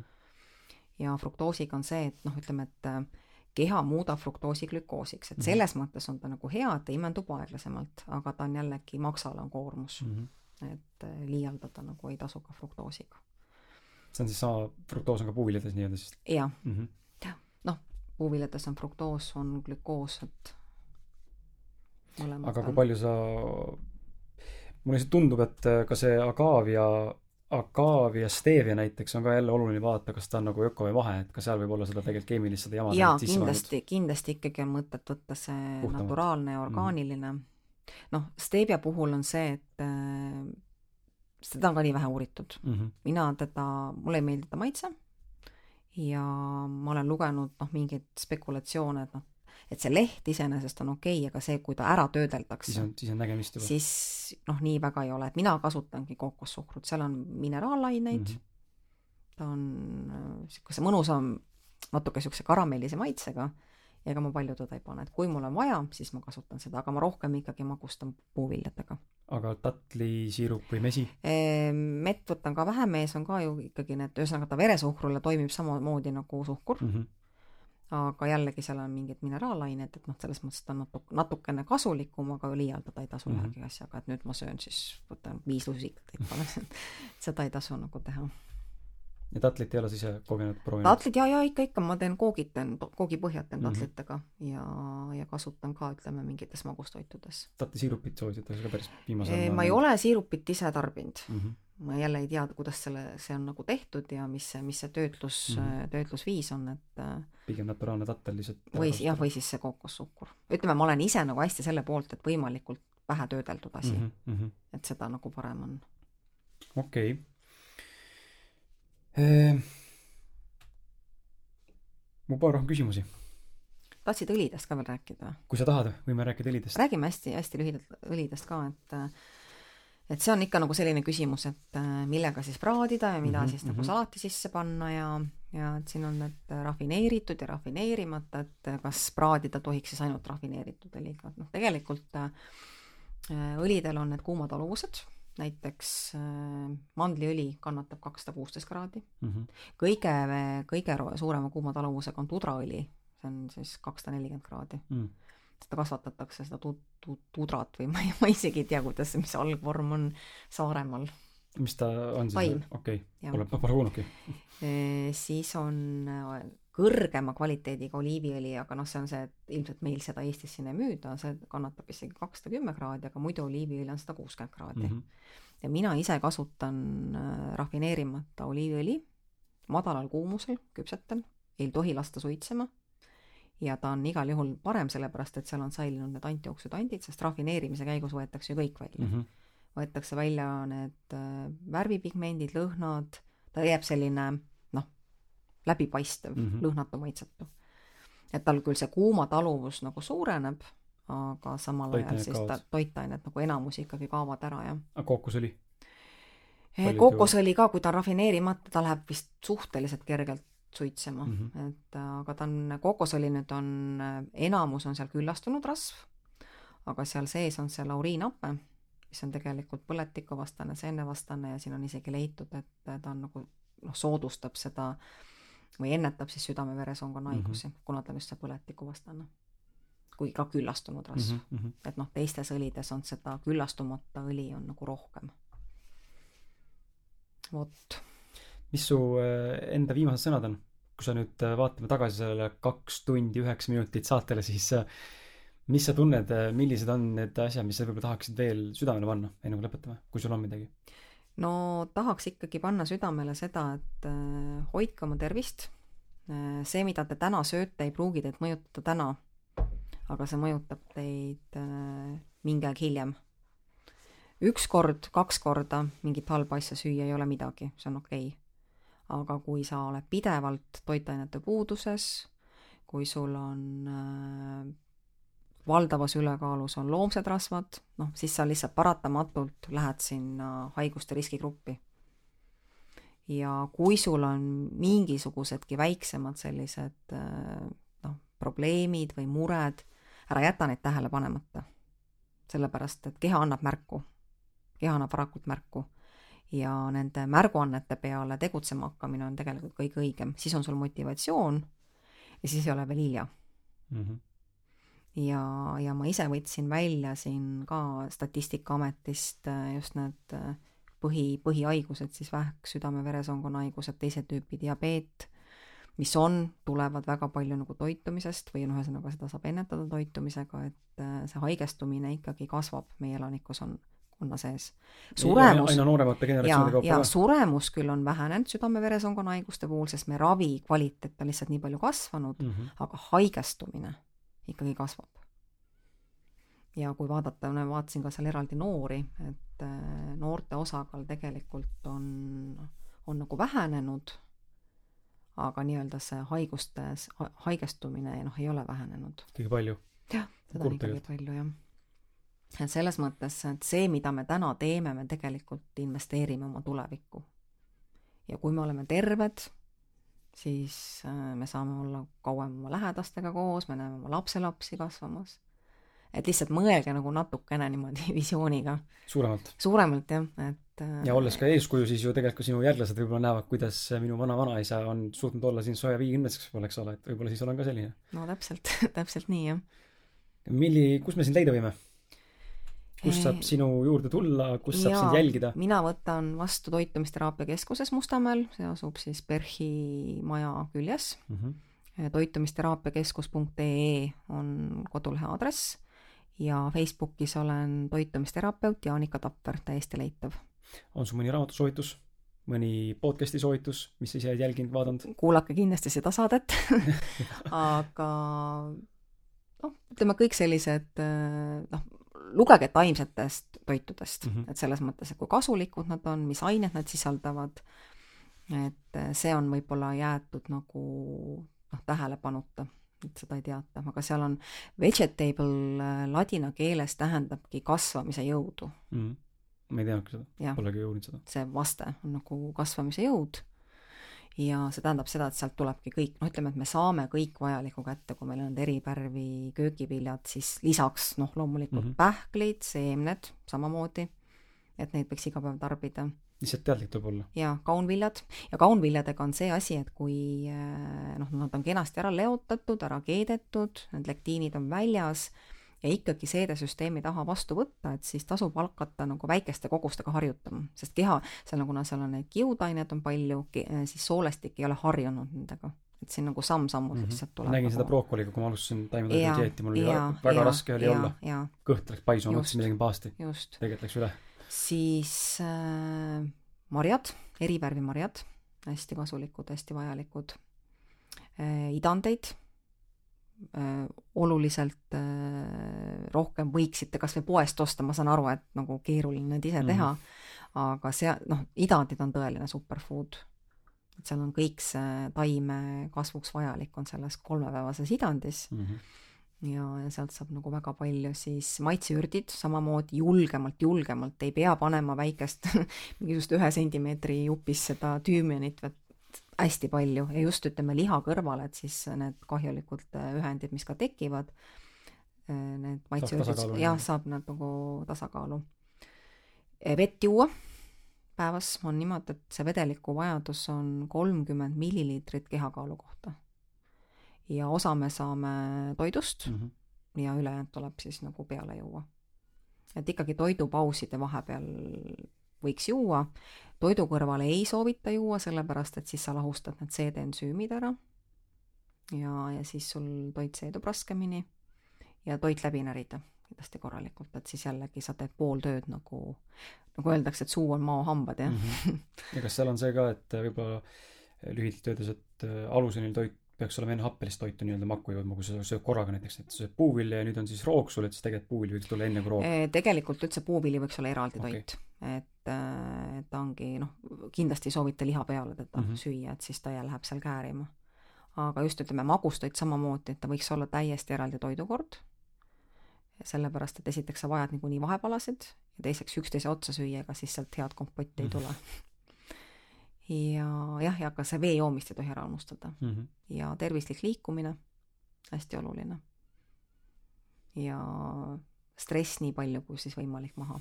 sellepärast, et ega ainult toitumisega ka mm -hmm., noh, see ei ole ka võluvits, kõik ikkagi kogu elustiil tervikuna on see, mis siis aitab meil olla terved elada kauem, elada täisväärtuslikult, et see, kui sa ka oled haige ja sa ikka ei jõua oma lähedastega tegeleda, et noh, mis kasu sellest siis on. Mm -hmm.. kusjuures äh, sellel Sotsiaalministeeriumis valmib see rahvastiku tervise arengukava. ja, ja see praegu kehtiv, mis siis oli kaks tuhat kümme kuni kaks tuhat kakskümmend, seal seati eesmärgiks, et äh, inimesed elaksid kauem ja elaksid tervena. nüüd tehti kokkuvõte, kauem elavad küll, aga haigena. Mm. Ehk siis nüüd järgmine samm oleks see, et nad elaksid tervena ja täisväärtuslikuna mm. -hmm. et oleks see elutahe, oleks see, et ei mõtle selle peale, et oh, ma ei viitsi enam mm. -hmm. Vot. väga huvitav. kõik? noh, eks ma võiks jäädagi rääkima, sellepärast et see teema on nagu nii lai, aga, aga jaa, et äh, hoidke ennast lihtsalt aitäh sulle! aitäh sulle väga kutsumast, jaa! väga lahe, siin sai kaks tundi, kuusteist minutit tiksub peale juba, et äh, siin on, ma arvan, et äh, mina arvan, et siin ei peaks mitte kuskile mujale minema, kui tulema sinu juurde või kuulama saadet neli korda vähemalt uuesti, et saada aru sellest, mida tegelikult, tegelikult siin täna, täna räägiti sinu poolt. et äh, armas kuulaja, nagu ikka, viimane palve sulle enne, enne saate lõpetamist, et kui sa tundsid, et siin saatest oli väärtust, mida ma olen üsna sada protsenti, isegi tuhat protsenti veendunud, et siin oli, ja siin oli väga palju mõtlemapanevaid asju ja kindlasti väga palju uusi taipamisi ja, ja õppetunde ja selliseid näpunäiteid, siis ole hea, tee üks teine minule ja tegelikult ka Jaanikale, et jaga seda saadet ühe enda sõbraga või sõbrannaga või enda ema, isaga, kelle iganes, kellel võiks minna selline info korda ja kes tunneb, et, et sellest on mingit kasu enda, enda elu parema või teadlikama nii-öelda suundade suunas liikumiseks. et et äh, see on minu ainus palve, et too üks kuulaja ja, ja aitäh, et vastu pidasid kaks tundi ja, ja viisteist minutit ja, ja sinuga kohtume juba järgmisel reedel, kui mitte varem. tšau. tšau.